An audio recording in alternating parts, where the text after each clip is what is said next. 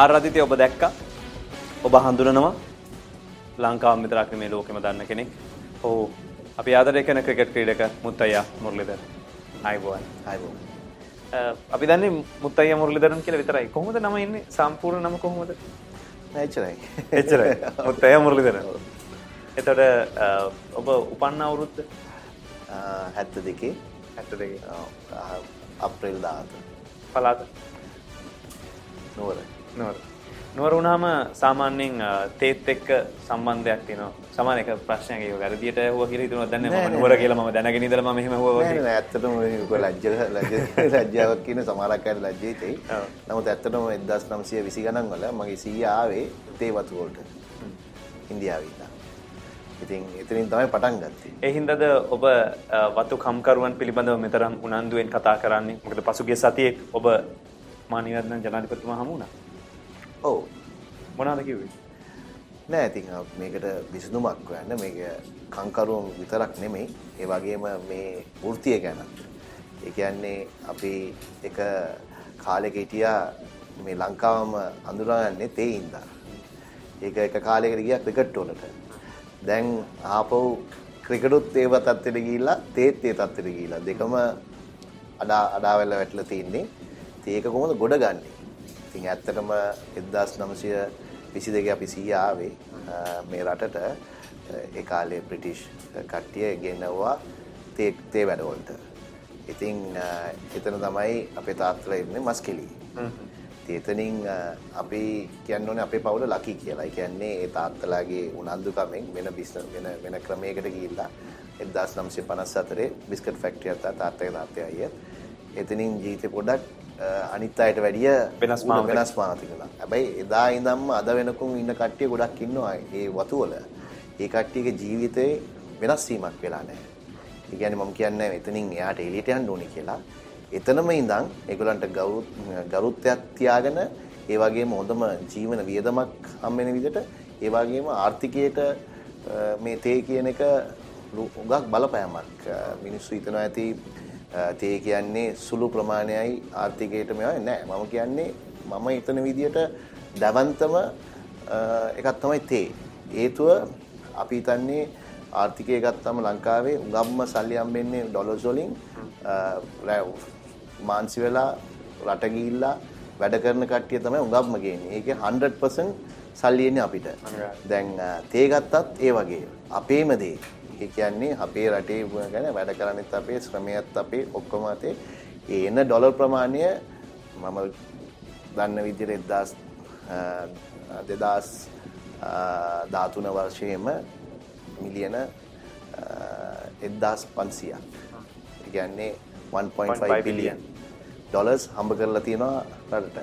එහෙම ගත්තොත් ඒ කියන්නේ ගාමන්ස් ඒ කර්මාන්තය ගත්තොත් ඔව් 6 7 බිලියන් විතර තියලා තියෙනවා. හැබැයි ඒකේ වැලි වැඩිෂන් එකක් තියෙන 35%. 65% එන්නේ පිට රටින් ආපහු අපි ඩොලර් වලින් ගෙන්නගෙන ගන්න. එතකොට මේ දෙකම සංශෝධනය කරපුවාම හරි ලාභය දීලා තියෙන්නේ තේ වලින්. මේ රටේ නිෂ්පාදනය ආ ඒකින්ද ඒක කඩා යන එක වළක්වන්න ඕනේ. ඒ හේතුවත් ඉඳත් මේ මිනිසුන්ගේ දුගී දුප්පත්කම නැති කරන්න ඉඳත් මම හිතනවා මට කාර්යයක් තියෙනවා කියලා අඩුම ගානේ මේක ගැන කතා කරලා විසඳුමක් හොයන්න. මේගොල්ලන් උගක් දුරට විසඳුම් වලට ගියා. ඒ කියන්නේ ඉස්සල්ලාම ගියා ට්‍රේඩ් යූනියන් ගාව. ඒගොල්ලන්ගෙන් ලොකු විසඳුමක් හම්බුන්නේ නැහැ. ඊට පස්සේ මිනිස්ටර්ස්ලාට ගියා හම්බුන්නේ නැහැ. ළඟදී ප්‍රයිම් මිනිස්ටර් ගාවට කියලා මේකක් කරලා තියෙනවා. ඒකින් උත් ඒගොල්ලන්ට ඒගොල්ලන්ගේ විසඳුම හරි විදියට පිළිගත්තේ නැහැ. ඉතින් ඊට පස්සේ කවුද යන්නේ? ජනාධිපති ජනාධිපතිතුමා තමයි තියෙන්නේ. ඊට වැඩිය දෙයක් නැහැ යන්න. ඉතින් මම මේගොල්ලන්ට උදව් කරා කොමාරි අපොයින්ට්මන්ට් එකක් කළා මේකට විසඳුමක් හොයන්න. මේකට විසඳුමක් හොයන්න බෑ ගවර්න්මන්ට් එකට විතරක්. මේකේ ඔක්කොම එකතු වෙන්න ඕනේ. ඒ කියන්නේ මම මේ ප්‍රශ්නේ මෙහෙම අහුවොත් ඔබ ලෝක පූජිත ක්‍රිකට් ක්‍රීඩකයෙක්. හැබැයි ජනාධිපතිතුමා වාඩි වෙන අගමැතිතුමා ඉන්න කැබිනට් එකේ ඇමතිවරු 6කට හෝ 7කට ආසන්න සංඛ්‍යාවක් ඉන්නවා වතුකම්කරුව නියෝජනය කරන. මේ 150000කට ආසන්න වෙච්ච පිරිසක් නියෝජනය කරන පිරිසක් ඉන්නවා. ඔවුන්ට බැරිද උත්තරයක් හොයන්න ඔබට එන්න වෙන්නේ? ඔවුන් විශ්වාස නැද්ද මිනිස්සුන්ට? මොකද්ද මෙතන තියෙන ප්‍රශ්නේ? මම හිතන්නේ මම දන්නේ මට කියන්න බෑනේ අනිත් මිනිස්සුගේ හේත්වල තියෙන මොනවද කියලා. මම හිතන විදියට විසඳුමක් ඒගොල්ලන්ට දෙන්න බැරි කමක් තියනවා වගේ. ඒ කියන්නේ දමිළ දේශපාලඥයෝ පාවිච්චි කරනවා කියන එකද කියන්නේ මේ ජනතාව ඡන්දේ ඉඳලා එන්න. අනිවාර්යෙන්ම ඡන්දේ දුන්නා නම් තමන් වලින් ඉන්න ඉන්න ඒගොල්ලන් අනිවාර්යයෙන්ම ඒගොල්ලන් වෙනුවෙන් කතා කරන්න ඕනේ. ඒ කියන්නේ පාර්ලිමේන්තු එකට යවන්නේ. පාර්ලිමේන්තු එකෙන් ගිහලා තමන්ගේ තමන්ගේ தත්ත්වය වැඩි කරන්න නෙමෙයිනේ යවන්නේ. මිනිහෙක්ට වෙන. ඡන්දයක් කියන්නේ මොකද? ඡන්දයක් කියන්නේ මිනිහෙක්ගේ අයිතිකමක්. ඒ අයිතිකම තියෙන්නේ එයා දෙන්නේ එක්කෙනෙක්ට මෙයා අපි වෙනුවෙන් මාන්සි වෙලා වැඩ කරලා අපිට යමක් කරයි කියන එක. ඉතින් ඒක ඒගොල්ලන් තෘප්තියට වෙන විදියට උන් නැත්තම් සමහරක් කරලා දෙපැත්තට ගන්න පුළුවන්. ඒ කියන්නේ මිනිසු සමහර මිනිස්ටර් කියයි මම කොච්චර කරත් මේගොල්ලන්ට සැටිස්ෆැක්ෂන් එකක් නැහැ කියලා. එම් බලුවොත් මිනිස්ටර් හරි. නමුත් මේ தත්ත්වයේදී වා හිතනවද රුපියල් 650ක් දවසේ වැටුම දවස් 20ක් පමණ 13000යි 14000යි මේ 2019 මිනි පවුලකට ජීවත් වෙන්න පුළුවන්ද? පුළුවන්ද? බෑ. එතකොට කවුද හරි එතන මිනිස්ටර්දාරි මිනිස්සුදාරි. ඉතින් මේක මිනිසුන්ගේ පැත්තට තමයි බර වෙලා තියෙන්නේ. මෙහෙම කතා කරොත් මේ විවිධ සමාජයේ වරප්‍රසාද ලද හෝ නොලද පිරිස් කොහොමත් ඉන්නවනේ. ඔවුන්ගේ ජීවන තත්ත්වය ටිකක් පහත මට්ටමක තියෙන කොහොමත්. ඔවුන්ට සරලයි ජීවිතේ. රොටියක් කාලා තේ එකක් බීලා ඉන්න පුළුවන් ජීවිතයක් තියෙනවා. එතකොට මේ අයට රුපියල් 700ක් ගෙවන්නේ දැන් ඒගොල්ලන් ලයිම් කාමරයක් වත්තේ හම්බ වෙලා ඒක ගයක් බවට පත් වෙලා සමහර වෙලාවට ඒගොල්ලෝ දැන් වෙනත් ඒක වැරදි නවත්තන්න. ලයින් කාමරේ කවදාක්වත් ඔතන ඕනේ ලක්ෂයක් විතර ලයින් කාමර තියෙනවා. ඒකෙන් ඕනනම් ගෙවල් වෙන්න ඇත්තේ 3000. 100ට 3ක් ඔයා ගෙවල් හදලා දීලා ලක්ෂයකම පිළිගන්න බෑ. හැම වෙලෙම බලන්න ඕනේ වැඩි පැත්තට අවාසි වෙන පැත්ත. ඒ වගේම මම කියන්නේ හැම ෆැක්ටරියක්ම හැම එක්ස්පෝර්ට් එකම වැරදි කියලා. මම කියන්නේ වැඩි පැත්තට මිනිස්සු කොයි වැඩි පැත්තට අවාසි වෙන පැත්තට තමයි බලන්න ඕනේ මේක මේක ඇවිල්ලා රටක්. හරිද මේක ඇවිල්ලා මොනවද කියන්නේ ඒකත් ප්‍රශ්නයක් දැම්ම මට මම කිව්වා කියලා තුන් වේල කාලා ඇට කියලා මොනවාද ප්‍රජාතන්ත්‍රවාදී මේගොල්ලන් කියන්නේ ඔක්කොම ප්‍රජාතන්ත්‍රය යටන්නේ. ඉතින් ප්‍රජාතන්ත්‍රය යටක් කියනකොට වැඩිපත්ත මිනිස්සුන්ගේ බරනේ බලන්න ඕනි ඉස්සෙල්ලා. බෞද්ධරේ බලන්නේ. ඒකනේ ප්‍රජාතන්ත්‍රය ඒකනේ. ඒකනේ කියන්නේ අනිවාර්යයෙන්ම ඒකටත් මට ප්‍රශ්නයක් ඇරියන මම අර කතා කරපු එකට. ඉතින් අපේ ලංකාවේ මේක විතරක් නෙමෙයි ප්‍රොබ්ලම් එක. හැම පැත්තෙම තියෙනවා. මේක මම කියන්නේ මේක විසඳුමක් දෙන්න පුළුවන් ප්‍රොබ්ලම් එකක්. රුපියල් 700ක් දෛනිකව දීලා ආණ්ඩුවෙන් 1.2 බිලියන් දැන් දෙනවා කියලා තියෙනවා කැබිනට් පත්‍රිකාවත් එක්ක අනුමැතියත් එක්ක. එතකොට මේකත් එක්ක 750 වෙනවා. වතු හාම්පුතුන්ට වතු පාඩු ලබන මොහොතක ඔබ විශ්වාස කරනවද මේක දෙන්න පුළුවන් කියලා? ඔබ හිතනවද වතු ගත්තම සමස්තයක් විදිහට ලංකාවේ අනිකුත් වතු පිළිබඳ බැලුවම්? අනිවාර්යයෙන්ම දෙන්න පුළුවන්. ඒගොල්ලන් ගිහිල්ලා බලලා නැහැ. ප්‍රශ්න ටික හරියට බලලා නැහැ. කොහෙද ප්‍රශ්න තියෙන කොයිද කියලා. කොච්චරක්ද ලාභ ගන්න පුළුවන්ද කියලා දන්නේ නැහැ. අනේ ඒ වගේ තත්ත්වයක් තියෙන. මෙතන ඉතින් ගොඩාක් ප්‍රශ්න තියෙනවා. ඒකයි ජනාධිපතිතුමා කිව්වේ එක්ස්පෝර්ටර්ස්ලා ෆැක්ටරි කට්ටිය, ඇසෝසියේෂන් කට්ටිය, කංකරු ඔක්කොම එකතු වෙලා තමයි මේ මීටින් එක තිබ්බේ. එතකොට තමයි මේකට විසඳුමක් හොයන්න පුළුවන්. ට්‍රේඩ් ට්‍රේඩ් යුනියන් මිනිස්ටර්ට විසඳුම දෙන්න බෑ. ට්‍රේඩ් යුනියන් කියන්නේ රෙප්‍රසන්ට් කරන මිනිස්සුන්ව. ඒගොල්ලන් එක මතයක ඉන්නේ. මිනිස්ටට යම් ප්‍රමාණය විතර ඉගන්න පුළුවන්. ය මිනිස්ට වුණාට මෙතන තින ෆයිනන්ස් තියෙනවා මෙවා තියෙනවා ගොඩක් තියෙනවා. ඉති ඕවාල මේක මේකට විසුන් දෙන්න පුළ එක දෙන්නට දෙන්න බෑ. මේක දෙන්න පුළ එක්ක ප්‍රයි මිනිස්ටට අරි ජාධිපතිතුමාට ඒ අරෙන්ඩ ඒගොල්ලන් කතා කරන්න ඕන එක්ස්පෝටස් ලට. ඊට පස්සේ ෆැක්ට්‍රිවර්ග මෙතන තියෙන ප්‍රොබ්ලම් එක ඇවිල්ල මෙච මොනාද ජීවන වියදමට මදී මෙතන ලංකාවේ ඩිප්‍රිසිේෂන් කියල එකක් තියෙනවා. ද මේ ආයතනය ගත්තම ඩිප්‍රිසිේෂන්යක් තියෙනවා. ඒ ඩිප්‍රිසිේෂන් එක අපි මෙසින් ඔල්ටත් දානවා මිනිස්සුන්ගේ සමයටත් දානවා හැම එකටම. දැන් ඩොලර එක අගේ උඩට යන්ඩ යන්ඩ පඩිය එක පඩිය විතරක් නෙමේ පඩි විතරක් නෙමේ මං කියන්නේ ඇමේකම එකම තැන තිබ්බොත් එක්දස් නමසය අසූ ගණන්වල අනු ගණන්වල ගෙවපු ගානන් තිබ්බොත් එතකොට බඩු මිල වාදැන් අද තක්කාලි කරනකොට ඩොලර ගැන හිතට උඩට යනවා. මොකද අපිම අපි ආයෝජන කරනවානේ ගොඩක්ම 70ක් විතර බඩු. එතකොට ඩොලර කියනකොට මිල උඩ යනවා. හරිද? එතකොට ඒක ඒකට මිනිස් ඒක තමයි ජීවන වීදම කියන්නේ. ඉතින් ඒක සරලව ගත්තම ඔයා හිතා ගන්න ඕනේ අම්, කොහොමද මේ ජීවන විදිම ගන්නේ. දැන් දේවතු වල දැන් මම දකින විදියට අපිම අදලා අපිම විකුණන එකක්. හරිද? දැන් ඉන්නේ 4 ලක්ෂයක් හිටපු කට්ටිය 1 ලක්ෂ 50000 ඉන්නේ. මේ 1 ලක්ෂ 50000 අවුරුදු 10ක් යද්දි ඕක වෙයි 75000ට විතර. එතකොට දැන් අර කිලෝ මිලියන 350ක් 300ක් හදන එක 150ක් වෙද්දී. එතකොට මේ එක්ස්පෝර්ටර්ස්ලා ෆයිට් කරයි මේ තේ වලට. එතකොට තේ වලට ෆයිට් කරද්දි මේක ඩිමාන්ඩ් එක වැඩි හින්දා ප්‍රයිස් එක උඩට යනවා. ඕනේ වර්ල්ඩ් මාකට් එක වල විකුණන්න බෑ. ඒ තත්ත්වයක් ඇති වෙන්න පුළුවන් අවුරුදු 10ක් වෙදී. ඉතින් මේක වළක්වන්නේ කොහොමද? මේක ඇවිල්ලා මම බලන්නේ එක පැත්තක් නෙමෙයි හැම පැත්තෙම. ඒ කියන්නේ කොහොමද එක්ස්පෝර්ටර්ස්ලාට මේකට බෙනිෆිට් වෙන්න පුළුවන්? කොහොමද ෆැක්ටරි ඕනර්ස්ලාට බෙනිෆිට් වෙන්න පුළුවන්? කොහොමද වතුගහට? මම ඔයාලට ක්‍රමයක් කියලා දෙන්නම් ඕකට. හරිද? ඉස්සල්ලාම අපි මොනවද කරන්න ඕනේ? ඔක්ෂන් සිස්ටම් එකක් තියෙන ලංකාවේ. ද ඔක්ෂන් සිස්ටම් එකේදී වා රුපියල් වලින් ගන්නි ඔක්ෂන් එකේ. එතකොට රුපියල් 600ට 1900 2000 ගත්ත එක අදත් රුපියල් 600ට ප්‍රයිස් එක යනවා නම් ඔක්ෂන් එක ගන්න එක්ස්පෝර්ටර්ස්ලානේ. එතකොට ඩොලර් එක උඩටයි පල්ලයට යනකොට වෙනසක් වෙනවා.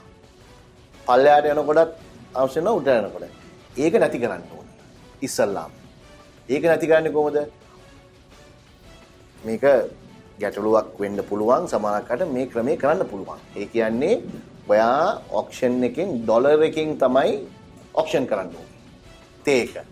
හැබැයි ගෙවීම කරද්දි රුපියල් වලින්. එතකොට මාසික ඇවරේජ් ඩොලර් එක අරන් එදා ඔයා ගන්න වෙලාවේ තියෙන ඩොලර් එක ඔයා රුපියල් ඩොලර් අතර ගත්තොත් මාසික ඇවරේජ් එක 180යි නම් මේක කන්වර්ට් කරලා ගෙවන්න.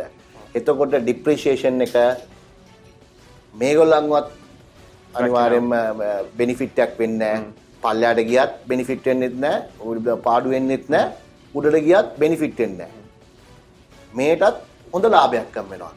එදා ඩොලර් අතරාමාර්ට ගත්ත තේකොල එක එකසිය තියක් තීති දෙදස් දෙදස් තුනේදී හරිද හයසීකට ගත්තනම් ඒක බෙදුවනං දෙසුනේ ඩොලර් අතරාමාරක් වෙනවා. අද ඒ අතරාමාරක් ගත්තොත් එකසිය අසුවක් කියමුකෝ එතුර කියක් වෙනවාද හටසියක් විතරෙනවා එතකොට අපි හටසියක් කිලෝ එකක්. දැන් ඒගොල්ලන් කියලා තියෙන්නේ එක තේවතු ගත්තකම එක්කෙනෙක්ට අඩු අවම දාටක් කිලෝ ගන්න ඕනේ කියලා. ඒ දාට ගත්ත ගම්ම වාට තේ කිලෝ අදන්න පුළුවන් හැම හතරා මාරකටම පාමාරකටම පාමාරකට එකා මාරක් තේ අදන්න පුළුවන් එතකොට 18කට වාට හදන්න පුළුවන් තේ කිලෝ හතරක් විතර. ඉතින් හතරක් ඩොලර් හතරමාරේ විකුණනවා නම් හරිද ලොකු ගහනක් මෙතකොට රුපියල් 100ක් විතර කිලෝ එකට වැඩි වෙනවා රුපියල් 400ක්. එතකොට මේගොල්ලන් ඉල්ලන්නේ අද පඩිය වැඩි කිරීම රුපියල් 300යි. 10 කරන්න රුපියල් 300යි නේ කරන්න තියෙන්නේ. අනිවාර්යෙන්. ඉතින් මෙතනින්ම මේක ප්‍රොබ්ලම් එක සෝල්ව් වෙලා යනවානේ. දැන් මේ ඉල්ලීමත් එක්ක ඔබ. ඒක විතරක් නෙමෙයි. ඒක එකයි. ඊට පස්සේ ෆැක්ටරිස් තියෙනවානේ. ෆැක්ටරිස් වල දැන් තියෙනවා 700ක් විතර. ඒ කියන්නේ අපි ආණ්ඩුවේ කරපු දෙයක්. ඉස්සර තමයි හැම ආණ්ඩුව නෑ හැම ආණ්ඩුවම කරපු දෙයක්. ඕන ඕන කෙනෙක්ට ෆැක්ටරියක් දාන්න පර්මිෂන් දුන්නා. ලංකාවේ 300යි ෆැක්ටරි වලට තේ තියෙන්නේ. දැන් 800ක් තියෙනවා. 800ක් තිබ්බම 700ටම තේ කොළ ඕනේ. දැන් කඩනකොට තේ දළුවේ හොඳ හොඳ කෑල්ල කඩලා දුන්නොත් තමයි ක්වොලිටි එක හොඳ වෙන්නේ. ඒක තමයි ලංකාවේ ගුඩ්ම ක්වොලිටි කියන්නේ. දැන් මොනවද තියෙන්නේ? දැල්ලනේ හැම එකම කඩලා දානවා. ඇයි? හැම ෆැක්ටරියම දුවන්න එපා. හ්ම්. එතකොට මේකත් දුවන්නේ බොහොම අමාරුයි. මොකෝ දලු නැහැ. දලු නැති වුණාම ප්‍රොඩක්ෂන් නැති වුණාම cost of production එක වැඩි වෙනවා. ඒකටත් සැලසුමක් හදන්න තියෙන්නේ. ෆැක්ටරි 400 දින 300ක් විතර අවම කරන්න තියෙන්නේ. අවම කරලා මේක ගේන්න ඕන එක සිස්ටම් එකකට. ඊට පස්සේ දැන් ওই පඩි ප්‍රොබ්ලම් එක තියෙනවානේ. ওই පඩි ප්‍රොබ්ලම් එක නැති කරන්න පුළුවන් එකම ක්‍රමයක් තියෙනවා දැන් ඕකේ තියෙනවා ස්මෝල් ඕඩර්ස්ලා කියලා. පොඩි ඒගොල්ලන් දැන් 70ක් කියනවා. කුඩා තේවතු. කුඩා තේවතු. ලොකු දේවතු තියෙන්නේ 130යි. මේ ප්‍රොබ්ලම් එක තියෙන්නේ ගොඩාම ලොකු දේවතු වල. කුඩා තේවතුවල මොනවද කරන්නේ පොඩි පොඩි ඇක්කර පාය අක්කර දාය ඒගොල්ලන් දලු කරලා ඒගොල්ලන් 50000 60000 මුදලාලි වගේ විකුණලා හොඳ ජීවිතයක් ගත කරනවා. සහයක පහත රට හින්දා ගොඩක් ලොකු ආදායමක් කරගන්න තේවල. ලොකු අය. මට උඩ රටෙත් කරන්න පුළුවන්. ඔය ඒක නම්බුකාර එයාට වෘත්තිය කෙනෙක් කියනතු මුදලාලි කෙනෙක් කරන්න පුළුවන් දෙන්න අක්‍රදායක් එක්කෙනෙක්ට ඒකට දෙන්න බඩු ඔක්කොම දෙන්න දීලා කියන්න පුළුවන් තරම් ඔයා හොඳ තේ කඩලා දෙන්න එතකොට එයා කිලෝ 10ට නෙමෙයි ඒ එක්කෙනා කිලෝ 40ක් වුණත් දවසට දෙන්න පුළුවන් මොකද එයා බලාගනියේ මේක තේ විදිහට හැම එකනම බෙදලා දුන්නා නම් පඩියක් ගෙවන්න ඕනේ නැහැ. හැබැයි දැනටමත් සී ග්‍රේඩ් එකේ ඊටන් සාමාන්‍ය බලා ගන්න දෙනවා නෑනේ ඒකට ඉඩ දෙන්නේ නෑනේ මේ වෘත්තීය සංගම. මේක ගියාම වෘත්තියක් නැති වෘත්තීය සංගමක් නැති වෙලා යනවනේ. ඒ වෘත්තීය සංගමක් නැති වුණාම පාඩු වෙන්නේ කාටද? ඒකෝට අර තේරෙනවනේ කාටද පාඩු වෙන්නේ කියලා. ඉතින් ඒකින්ද ඒගොල්ලන් එක දෙන්න කැමති නෑ. මොකෝ මෙතන ඡන්ද බලාපොරොත්තුෙන් ඉන්නවා සමහරක් කට්ටිය සමහරක් කට්ටිය එක එක බලාපොරොත්තු වලින් ඉන්නේ මෙතන වැඩ කරන්නේ. දැන් මගේ තියෙන එකම බලාපොරොත්තුවක් නැහැ. මම ඉස්සරින්දම කියන්නේ මම මේ ඡන්දයකට හෝ මේකට හෝ කතා කරන්න නෙවෙයි. මම කියන්නේ මේ රටේ මිනිස්සු මට උදව් කරලා තියෙනවා මම මේ தත්ත්වයට එන්න. ඒගොල්ලන් අමාරු වැටෙනාට ඉතින් අපි වගේ කෙනෙක් කතා කරන්න ඕනේ. ඒක මේ මේ පොලිටික්ස් ඇවිල්ලා මිනිස්ටර් කෙනෙක් වෙන්න ඕනේ නැහැ.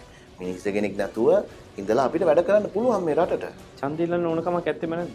ඡන්දිල්ල මොනවද ඔය අචීව් කරන්න යන්නේ? මම ලයිෆ් එකේ මම පුළුවන් දේ ඔක්කොම අචීව් කරලා තියෙන්නේ. හොඳ ක්‍රිකට් වල හොඳට දත්තේනේ.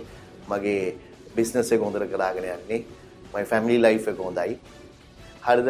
ඊට පස්සේ ඡන්දය ඉල්ලපුවාම මොනවද වෙන්නේ මිනිස්සුන්ට බයෙන් ජීවත් වෙන්නේ නේ. කවදද පෙරදින්නේ කියලා. හරියට එයා වැඩ කරා නම් පෙරදින්නේ නැහැ. නමුත් ඉතින් ගොඩක් අය බලන්නේ ඡන්දේ වෙලාවට විතරයි වැඩ කරන්න. මම කියන්නේ මේ සරලව හැම එක්කෙනාම නෙමෙයි සාමාන්‍යයෙන් ඉතන විදියක්. ඡන්ද වෙලාවට වැඩ කරනවා අනිත් වෙලාවට පොඩක් අඩුයි. මිනිසුන්ගේ කරන. ඉතින් ඒක ඒ தත්ත්වෙට මම වැටෙන්න කැමතිත් නෑ. කවදාක්වත් මං හිතලත් නෑ. ඡන්දයකට එන්න. ඔබගේ මිතුරන් සහ ක්‍රිකට් වල හිටපු අනිත් අය දිහා බලලාද ඔබ මේ තීරණය ගන්න ඒගොල්ලන්ට සාර්ථක වෙන්න බැරි වෙච්ච හින්දා මමත් එන්නේ නෑ ඡන්ද ඉල්ලලා. ඒවා කොහොමද කියන්නේ මම සාර්ථක නැත් වෙන්නේ කියලා. මං කියන්නේ ඔවුන් සාර්ථක නොවුණු හින්දා ඔවුන් එකයිද? නෑ මම කියන්නේ ඔවුන්ට වෙනස්නේ අපි දෙගොල්ල. මේ ඇඟිලි පාම එකයිද? නෑ. නෑනේ අපේ වැඩ කරන විදි වෙනස්. හිතන විදි වෙනස්. මට මේ හොඳ වෙන්න පුළුවන්. ඒ වුණාට මට ආසාවක් නැහැ. මේකට මේ ගන්න. දැන් හොඳ පොලිටිෂියන් කෙනෙක් වෙන්නේ කොහොමද? ඒ කොන්ස්ටිටියුෂන් එකේ වා කොහෙද තරඟ කරන්නේ? ඒ තියෙන මිනිස්සුන්ගේ ප්‍රොබ්ලම්ස් ටික පුළුවන් තරම් නැති කරන එක තමයි කරන්න ඕනේ. ඒක කරන්න පුළුවන් නම් කවදාකවත් පරදින්නෙත් නැහැ. ඈ කවදාකවත් වෝට්ටයක් ගැන ඉතින් නැහැ. අනිත් එක මෙතන ප්‍රොබ්ලම් එක තියෙන්නේ මේ මේ දැන් ඡන්දයක් කරන ඇත්ත කතා කරමුකෝ මෙතන. ඡන්දයක් කරන්න ගියාම මොනවද වෙන්නේ? ඡන්දයක් කරන්න සල්ලි ඕනේ. අද මිලියන 100ක් තියෙන කෙනෙක්ට තමයි MP කෙනෙක් වෙන්න පුළුවන්. මිලියන 50ක් තියෙන කෙනෙක් තමයි. ඉතින් ඔහා හිතනවාද ඒගොල්ලන්ගේ දේවල් සමහරක් අය විකුණනවා. විකුණලා එනවා. ඊට පස්සේ ඒක හම්බ කරගන්නත් තිබුණා. කොහොමද හම්බ කරන්නේ? පඩියක් තියනවාද ඒගොල්ලන්ට ඒක ඈ? ඉතින් වෙන දේවල් මේක. ඉතින් මේ සිස්ටම් එකම තියෙන්නේ ඒ විදිහට. ඒ සිස්ටම් එකට ඔයා කියනවද මටත් යන්න කියලා? නෑ මම කියන්නේ නෑ. නමුත් ඔබට එහෙම සල්ලි වලින් අඩුවක් නැතුව තියෙන සාමාන්‍ය ක්‍රිකට් ක්‍රීඩකෙක් වම හොඳට සල්ලි තියෙන. ඒකට සාමාන්‍ය සමාජ මතය. ඉතින් මේ මෙනි සාමාන්‍යයෙන් මිලියන 100ක් 200ක් විතර වියදම් කරන්න ඕන නම් හරිද? ඕනෙක් කෙනෙක්ගේ ආපෝ එක ගන්න තමයි බලන්නේ. ඒක බිස්නස් එකක් වගේ දැන් වෙලා තියෙන්නේ. ඕක ඕන්නම් මිනිස්සු කියන්න නවසය හැට ගණන් වල ඇත්ත ගණන් වල බැංකු පොතේ තිබ්බේ රුපියල් දෙකයි රුපියල් තුන ඒවා සාදා ඒවා ඇත්ත කතා. මේ කාලේ මිනිස්ට කෙනෙක්ගේ බැංකු පොතේ රුපියල් දෙකක් තියෙනවා කියන්නේ අරිම වායක් කෙනෙක්වත් තිබුණත් මං හිතන්නේ ඊම ඔයවන ඊන ඉන්න හොඳම මිනිස්ට කෙනෙක් වුණත් මේක ඉතින් ලෝකෙම වෙන දෙයක්. ඕක ඉතින් නවත්තන්න බෑ ඉතින් ඒවා හරි අමාරුයි නවත්තන්න මම හැමේ උගලම් නෙමෙයි ගොඩක් දුරට ඕක වෙනවා. දැන් ක්‍රිකට් ක්‍රීඩකයෙක් විදියට ඉන්නකොට යම්කිසි සිවිල් බලයක් තියෙනවානේ. හැබැයි මේ බලය බලය හැමෝම ආදරය කරනවා මේක තියෙනවා. කාලයක් මේකේ ක්‍රීඩාවෙන් අයින් වෙලා යනකොට මේ බලය නැති වුනහම මගේ ව්‍යාපාර කරගන්න බෑ. එහෙම කියලා එහෙම ප්‍රශ්න ඇති වෙන්නේ නැද්ද? මම බලන්නේ නෙමෙයි මම මේ ව්‍යාපාර ටික දැම්මේ හරි විදියට rules and regulation හැටියට මම මිනිස්ටර්ස් කාට දිව්වේ නෑ කාගාවටත් දිව්වේ නෑ BOI එකට ගිහිල්ලා පේපර්ස් දාලා බැංකුවලට ගිහිල්ලා ලෝන්ස් අරගෙන ඒ විදියට පේපර්ස් දාලා හරියට ක්‍රයිටීරියා එකේ KPMG අනන් KPMG එකෙන් ඔඩිට් කරලා ප්‍රපෝසල්ස් දාලා ඒම තමයි ගත් බිස්නස් කරේ. මම මේ හැම එකම්ම මගේ ජීත කාලෙම ටැක්ස් ගෙවන වුණත් මම දන්න අනිත්‍යය කතා කරන්නට මගේ ටැක්ස් වුනත් හරියට මං ගෙවල තියෙන්නේ. ඉතිං ඒම ප්‍රොබ්ලම්යක් මෙතෙක් කල්න මට ගෝල් කාඩ්ඩෙකුත් තිබ්බා ටැක්ස් වල. එකන්නේ හරියට ටැක්ස් ගෙවනවා නම් කාඩ් එකක් දුන්න එක කාලයක්. ඒකෙන් උනත් සියයට විසි පාක වාහනයක් ගන්න පුළුවන්න දෙනකට ම ගත්තෙත් නෑ බත් ඒක තිබ්බයි එක අරි සන්තෝසයි මොකෝ. රෝකාඩයක් කම්මෙනවා කියන් ටැක්ස් කියවල ගැන ගෙවනවා. ඉතිං මොනද බේ ව්‍යාපාර ඇතර මේ දැනගන කැමති? ව්‍යාපාර ඉතින් ෆැමිලිනි ගොඩක් තියෙනවා. ඒ කියන්නේ බිස්කට් තියෙන අපේ තාත්තලාගේ. කියන්නේ ඒ කාලෙදරම ඉඩස පනස් කරන්න එතකොට ඒගොල්ලන් අර කොරිගේටඩ් බොක්ස් ඒ වගේ ගොඩක් දේවල් කරා ඒ වගේ අපි පටන් ගත්තා මේවා මොන කෝ පෙප්සි වෝල්ට අර මේ බොත් බෝතලේ. පීට එක ඒ වගේ කාගිව සොක්කොනු දෙනවා. ඒ වගේම තව බිස්කට් ෆැක්ටරියක් තියෙන මල්ලිගේ. මේ කෑන් ෆැක්ටරියක් තියෙන ඒ වගේ බිස්නස් ටිකක් අපි කරගෙන යන්නේ මේ සියල්ලත් එක්ක මුරලි කියන්නේ සුවිශේෂී චරිතයක් වෙන ක්‍රිකට් හින්දාමනේ මේ ඔබ මේ රටේ දුවා දරුවෝ වෙනුවෙන් සෑහෙන තැවැන්ත මෙහෙවරක් කරනවා. අපි ඒක දැක්කා. ඔබ ශ්‍රී ලංකන් ඔෆ් දී සම්මාන වලදී ඒ සම්මානයට පවා අප අද දෙන කණ්ඩායම නිර්දේශ කරනකොටත් අපේ සම්බන්ධය සොයා බලනවා. කොහොමද මේ මුදල් ඇත්තටම හොයන්න පටන් ගත්තේ? නෑ ඇත්තටම මම ක්‍රිකට් ගහන කාලේ ඉඳන්ම මගේ ආසාවක් තියෙනවා අපේ තාත්තගේ පොඩි තාත්තාත් හරියට උදව් කරනවා චරිතයක් කියලා තිබ්බේ නෑ. එන එන මිනිසුන්ට උදව් කරනවා. ඒ කියන්නේ පුළුවන් පුළුවන් විදියට ඒ වගේ මම පොඩි කාලේ දීලා තියෙන අර ප්‍රිසන් එකේ ඉන්න කට්ටියට කවුරුත් උදව් කරන්නේ නෑනේ. අර ඒසල් තිබ්බා කොණ්ඩසාලේ මේ මේ පල්ලේ පල්ලේ ලොකු ප්‍රිසන් තිබ්බා. ඕපන් ප්‍රිසන් කියන්නේ. එලිමහන්සිලක. අනේ ඒකට කෑම දෙන එක ගිහිල්ලා ඒගොල්ලන්ගේ දුක් වරදවල එක තාත්තත් එක්ක ගිහිල්ලා තියෙනවා පොඩි කාලේ ඉඳන්ම. ඉතින් ඒ වගේ කෝවිලට ඒ වගේ පන්සල් වලට අනේ වගේ ආධාර කරනවා ඔක්කොම. ඉතින් ඒකෙන් මං හිතන්නේ තාත්තගෙන් ඇදුණු දෙයක් වෙන්න ඇති. දැන් අපේ හાર્ට් එකේ තිබ්බා මිනිස්සුන් ගැන පොඩ්ඩක් හොයලා බලන්න ඕනි කියලා. ඉතින් මට ක්‍රිකට් ගාන වෙලාවේ වෙලාවක් නැහැ. ඉතින් මම හිතුවා කොහොමද මේක කරන්න කියලා. කියන්නේ මම දෙන එකත් හරියට ගිහිල්ලා මිනිස්සු අතරේ යන්න එපා. මම ඕන තැනට දෙන්න පුළුවන්. බත් මිනිස්සු අතර ගියේ නැත්තම් මම හරි දේ නෙමෙයිනේ කරන්නේ. ඉතින් ඒ කාලේ ක්‍රිකට් ගා ඉන්නකොට 1998 විතර හරි කුශිල් ගැන හොඳට අහලා තියෙනවා චැරිටි කරන කෙනෙක් හොඳ දැවන්තම පුද්ගලෙක් ක්‍රිකට් බෝඩ් එකෙත් එමෙයිට. එක දවසක් මං යනකොට මූණ ගැහුණ ගන්න. එයාත් එතකොට ඉන්ට්‍රොඩියුස් කරගත්තා කුශිල් කියලා. එතකොට මං අහලා රයිට් මං වාගෙන හොඟක් කාලා තියෙනවා. හොඳ වැඩ කරනවා. මටත් කැමති ඕකට සහභාගී වෙන්න කියලා. ඒකට කිව්වා නෑ කමන්නේ. අපි මොනාරි කරමු කියලා. ඉතින් මම කිව්වා මගේ ප්‍රෝග්‍රෑම් එකක් තියෙනවා. ඉස්කෝලේ ළමයට හැම දෙසැම්බර් 26ම පොතුයි සපත්තු ඔක්කොම දෙනවා රූලර් ඒරියාවල සීනිගමුව කරේ. මං කිව්වා මං ඉස්සල්ලාම් දෙන්නම් කියලා ඒක එක්කෙනෙක්ට රුපියල් 3000ක් විතර යනවා. මං 25කට විතර දෙන්නම් ඉස්සල්ලා. ඒකෙන් පටන් ගත්තා. ඒකෙන් දැන් පටන් ගත්තේ. එතකොට එයා කිව්වා අපි මේක පොඩ්ඩක් මේවා කරලා කරමු මුරලීධරන් ගුණසේකර ෆවුන්ඩේෂන් කියලා දාලා. අපි මාස 6ක් මාස 3-4ක් විතර කරා. ඒකේ කරන්නේ මේ වගේ පොත් දෙන එකයි අර සමහරක් වෙලාට මේ රටේ ගොඩක් අසරණ දුප්පත් මිනිස්සු ඉන්නවා හાર્ට් ඇටැක් එකක් හાર્ට් ප්‍රොබ්ලම් එකක් පොඩි අයගේ ඒ වගේ පොඩි පොඩි ප්‍රොබ්ලම්ස් ආපුවම සල්ලි නැති වෙනවා. ඒකට ඒ වලට ආධාර කරන එක ඒවයි කරගෙන යනකොට මම කුෂලී මායි දෙන්නම ඩිසිෂන් එකක් ගත්තා. අපි නම් දාන එක හරි නෑ මේක ප්‍රසිද්ධ කරන්න ඕනේ අපි ඔබට හොඳ නමක් දාලා වෙනම නමක් දාලා අපි කරමු කියලා. එතකොට තමයි ෆවුන්ඩේෂන් of goodness මම සිංහලෙන් හරියට කියන්න දන්නේ ගුණ පද පදනම පදනම කියලා පටන් ගත්තා. ඒ දස් නවසය අනු නමේ හද වෙනකොට මෙ මේ මාසේ මාර්තු වෙනකොට එක අවුරුදු විස්සක් වෙනවා. ගොඩක් කටිය දන්නේ නෑ මේ ළඟදී දන් තමයි දැනගත්තේ. ඒකේ අපි ගොඩක් දේවල් කළා. ඊට පස්සේ අපි දෙන්න විතර ගොඩක්ම කරේ මගේ ෆන්ඩ්ස් වලින් යා දන්නේ යා. පස්සේ සුනාමි ආවට පස්සේ තමයි ඒක ලොකු වුණේ. සුනාමියේදී මමත් යන්න ගියා එතනට. එදාට දිසම විශ්වවිද්‍යාලය ළමයි 200කට ආධාරයක් කරන්න යනකොට සුනාමිය ආපින්දා මට හැරුණා මට තේරුණා මෙම ප්‍රොබ්ලම් එකක් තියෙනවා මෙම ආපුවම මිනිස්සු කෑ ගහන ආපුවම මමත් හැරලා ආවා. හැබැයි කුෂිල් ඒ සුනාමියේදී මම එතන හිටියා ළමයි එක්ක දිව්වා උඩ තැනකට. ඔක්කොම ඩැමේජ් වුණා. ඊට පස්සේ එයා එයාගේ ගෙදර පරිත්‍යාගය කළා ඊට පස්සේ කිව්වා අපි ගෙවල් ටිකක් හදලා දෙන්න ඕනේ. ඉස්සල්ලාම අපි ගොඩක් හැම තැනටම ගිහිල්ලා ඕන දේවල් ටික ස්වාමිය තාම දවන්ත සුනාවෙන් ලක්ෂ ගණන් මිනිස්සු මෙයා වුණේ ඒක ඒක කරලා ඉවරලා ඊට පස්සේ අපි කිව්වා මේගොල්ලන්ට මේක දැන් දෙන ඔක්කොමලා දෙනවා. ඊට පස්සේ ජීවත් වෙන ක්‍රමයක් වෙලා දෙන්න ඕනේ. කොහොමද කරන්න කියලා. එතකොට තමයි අපි යා පරිත්‍යාග කරා මේක. එතකොට මම ඇඩ්වර්ටයිස් කරා සිමෙන්ට් කම්පැනි එකට ඒක හරි ලෆාජ් කියලා. ඒගොල්ලන් කිව්වා ඕනේ තරම් සිමෙන්ති ඇඩ්වර්ටයිස් කරන්න මම දෙන්නම් කියලා. ඒ විදිහට තමයි ඉස්සෙල්ලා සුශීල ඉතාල ගෙවල් ඒ හරිය 50ක් විතර අදමු කියලා. නෑ මං කිව්වා අපි 10ක් අදමු කියලා. අපේ ඩ්‍රීම් එක හරියට වුණා අපි 10ක් හැදුවා. ඒක හැදුවේ හුඟක් ඩොනේෂන්ස් වලින් මේ ක්‍රිකටර්ස්ලා එහෙම. දැන් ගියොත් එතන හද වෙනකොට ලක්ෂ 3කට අධික කට්ටිය ඕකෙන් වෙන වාක් සෙක්ටර්ස් තියෙනවා ස්පෝර්ට්ස් වල තියෙනවා විමෙන් ෆයා තියෙන විමෙන් ඒවා තියෙනවා. කියන්නේ මානේවා ඒගොල්ලන්ට වෘත්තිය පුරුදු කරන ඒවා. ඒ වගේ ගොඩාක් දේවල් තියෙනවා. සීනිගම තමයි හෙඩ් ඔෆිස් ඒ වගේම හාඩ් බීට් කියලා සෙන්ටර්ස් 12 ඩිස්ට්‍රික්ක 12ක දාලා තියෙනවා. ඒවල ඉංග්ලිෂ් උගන්වනවා කම්පියුටර් උගන්වනවා ගොඩාක් කරන්නේ අපි ඉගෙනීමක් දෙනවා ඒගොල්ලන්ට. ෆ්‍රී ඒ කරලා ඒගොල්ලන්ගේ දියුණුව.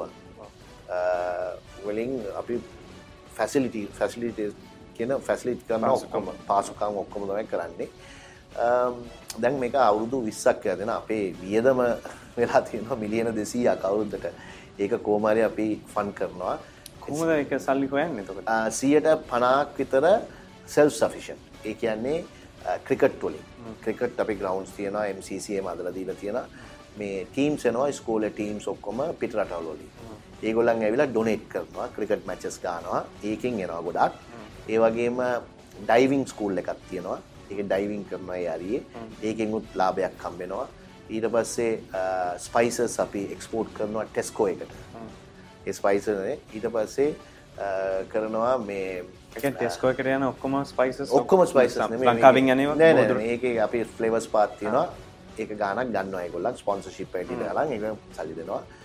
තව එකක් තමයි ඒකමයි ලොකුම එක ජොන් කීල්ස් එකෙන් මේක කරන්න අර මොනවද කියන්නේ ඒකට කම්පියුටර් බිල්ස් එම ඔක්කොම හොටෙල්ස් වල බිල්ස් ඔක්කොම අපි තමයි බැක් ඔෆිස් සිස්ටම් එකක් දාලා තියෙන්නේ. ඒකෙන් උගන්නනවා උගන්නලා ගමේ ඉන්න ළමයින්ට උගන්නලා ඊට පස්සේ ඒගොල්ලන්ටම ජොබ් එකක් දීලා ඒගොල්ලන්වත් ඒකෙන් ගන්න ඒකේ ඉන්න ලාභේ අපි ආපු ෆවුන්ඩේෂන් කරා. ඒ වගේ 50% කරනවා. ඊට පස්සේ මම ඇඩ්වර්ටයිස් කරනවා මයල සංගකාරයම ජොයින් වෙලා ඉන්නේ දැන්. ඒ වගේම ආශාන් හොඳ මේ බිස්නස්මන් කෙනෙක් එයාත් 90 99 2000 වගේම ජොයින් වුණා. ඊට පස්සේ ප්‍රදීප් කියලා ඉන්නවා ශංගරිල්ලා මේකේ සිංගප්පූර් වලින්.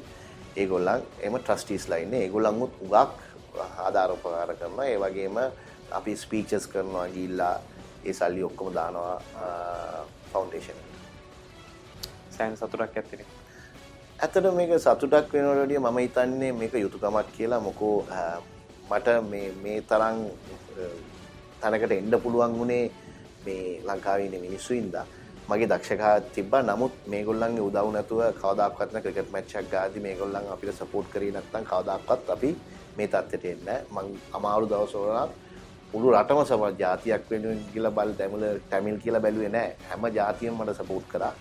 ඉතින් මම හිතනවා ඒ විදිහටම ඒගොල්ලන් අමාරුවේ ඉන්න කාලේ මං හොඳට ඉන්න කාලේ ඒගොල්ලන්ටත් යමක් කරන්න තමයි මේක පීට වුණා කියලා කියන්න පුළුවන්. අවුරුදු 20ක මම හිතලා කරපු දෙයක් නෙමෙයි. පීට වුණේ. දැන් ඔය සීනිකමින් පටන් ගත්තා වගේම මට මතකයි යුද්ධ කාලේ ඔබ උතුරු ප්‍රදේශයේ සංචාරවල නිරත වුණා. ඒ සම්බන්ධයෙන් උදව් කරන්න ගියා. එහෙදී ගත්ත ප්‍රගතියත් එක්ක මේක බලපෑමක් එල්ලලා තියෙනවද මේක රට වටේම ව්‍යාප්ත කරා? ඔව්. නෑ අපි දැන් කිල්නුච්චි ආර්ට් බීට් කියලා කිල්නුච්චි එකක් තියෙනවා මාන්කුලම් වල තියෙනවා. මේ නවතන කිල්නුච්චි මාන්කුලම් and මුලතිව්. ඒ තුනේම ආර්ට් බීට් සෙන්ටර්ස් තියෙනවා. එතනත් මිනිස්සු ඔක්කොම ෆ්‍රී ඔක්කොම හම්බෙනවා. ඒ වගේම කුමා ප්‍රෝග්‍රෑම් එකක් කරා ලයිෆ් බයික්ස් කියලා. ඒක බයික් දාදාක් දුන්නා ෆවන්ඩේෂන් එක දුන්නා. ඊට පස්සේ ග්‍රවන්් සදල දුන්න. ක්‍රිකට් පිච සදල දුන්න. එතගේ කාලෙ ක්‍රිකට් බෝඩ් එක නිශාන්තලනතුන්ග සෙකට්‍රීදී යා කිව්වා මෙම මේක මේක ස්කෝලෝල්ට හදල දෙන්නම එතකොට සෙන්ට ඇන්තනිස් ආයතනය සිමෙන්ට් මොනද ඒකොල්ලන් සිමෙන්ති සිමෙන්ට් ඒගොල්ලන් ඇවිල්ලා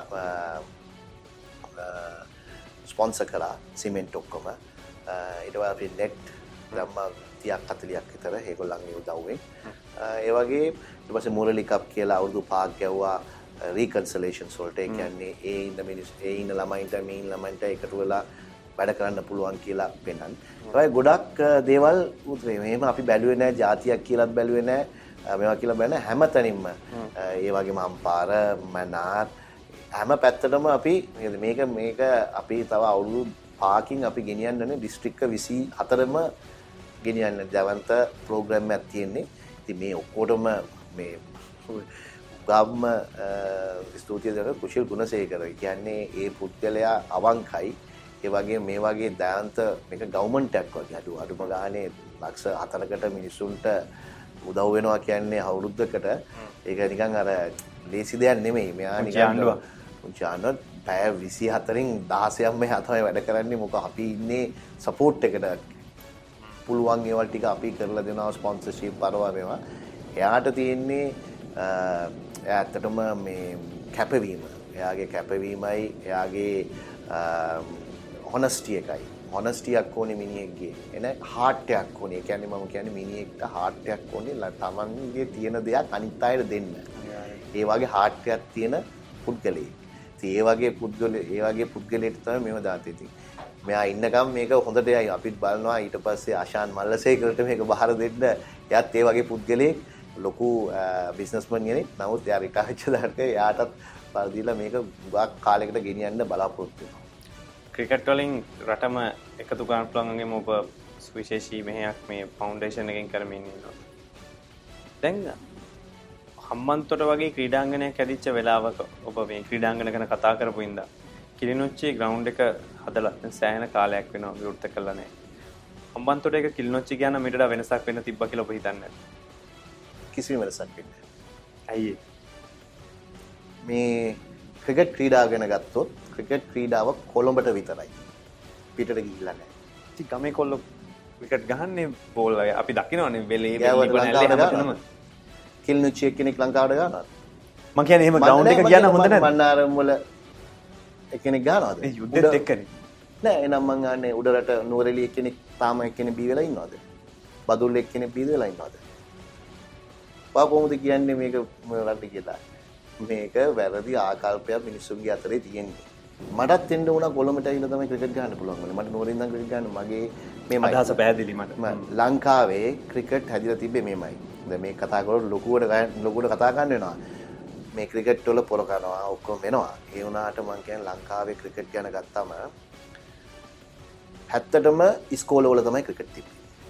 ඉස්සර ඉස්කෝල 100ක් විතර සෙල්ලම් කරා. දැන් 500ක් වෙලා. ඒකේ දියුණුවක් තියෙනවා. හැම පළාතෙම හැම ඉස්කෝලෙම ජැෆ්නවලක් ගන්නවා, නුවරඑළියෙත් ගන්නවා, ඉස්කෝලවල ගහනවා. රයිට් නමුත් ඉස්කෝලවල ඉස්සර ලංකාව ටීම්මට සෙල්ලං කරේ අවුරු දානමේ දාටේදී ලංකා ටීම්මට ඇවිල ජොයින් දෙනවා ඉස්කෝලෙන් තමයි තේරුවේ. මොකෝ ටැලන්ට එක එච්චර හොඳයි.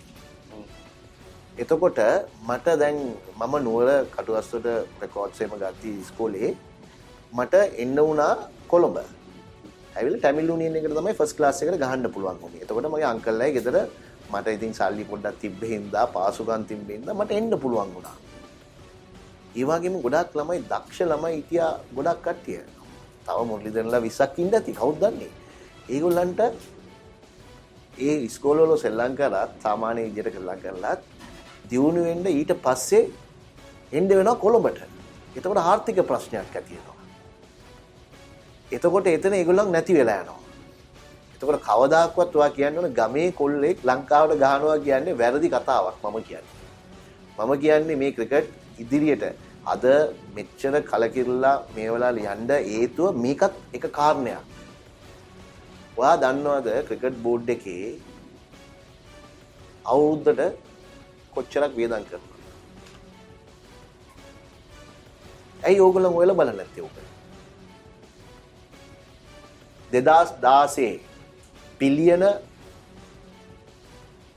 පාමාරක් වියදම් කරනවා.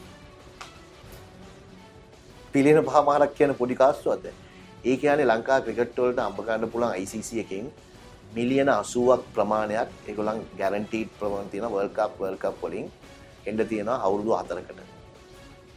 ඒ වගේම TV rights අවුරුදු 4කට 50 මිලියන් ඩොලර්ස් විතර.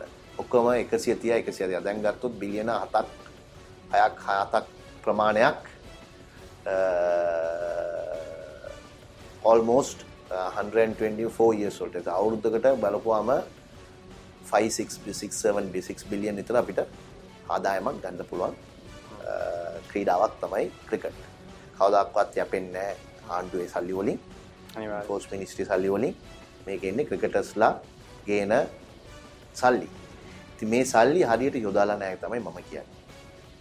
ලොකු ග්‍රවුන්ඩ් ඇදුවා කියලා මේක හැදෙන්නේ නැහැ.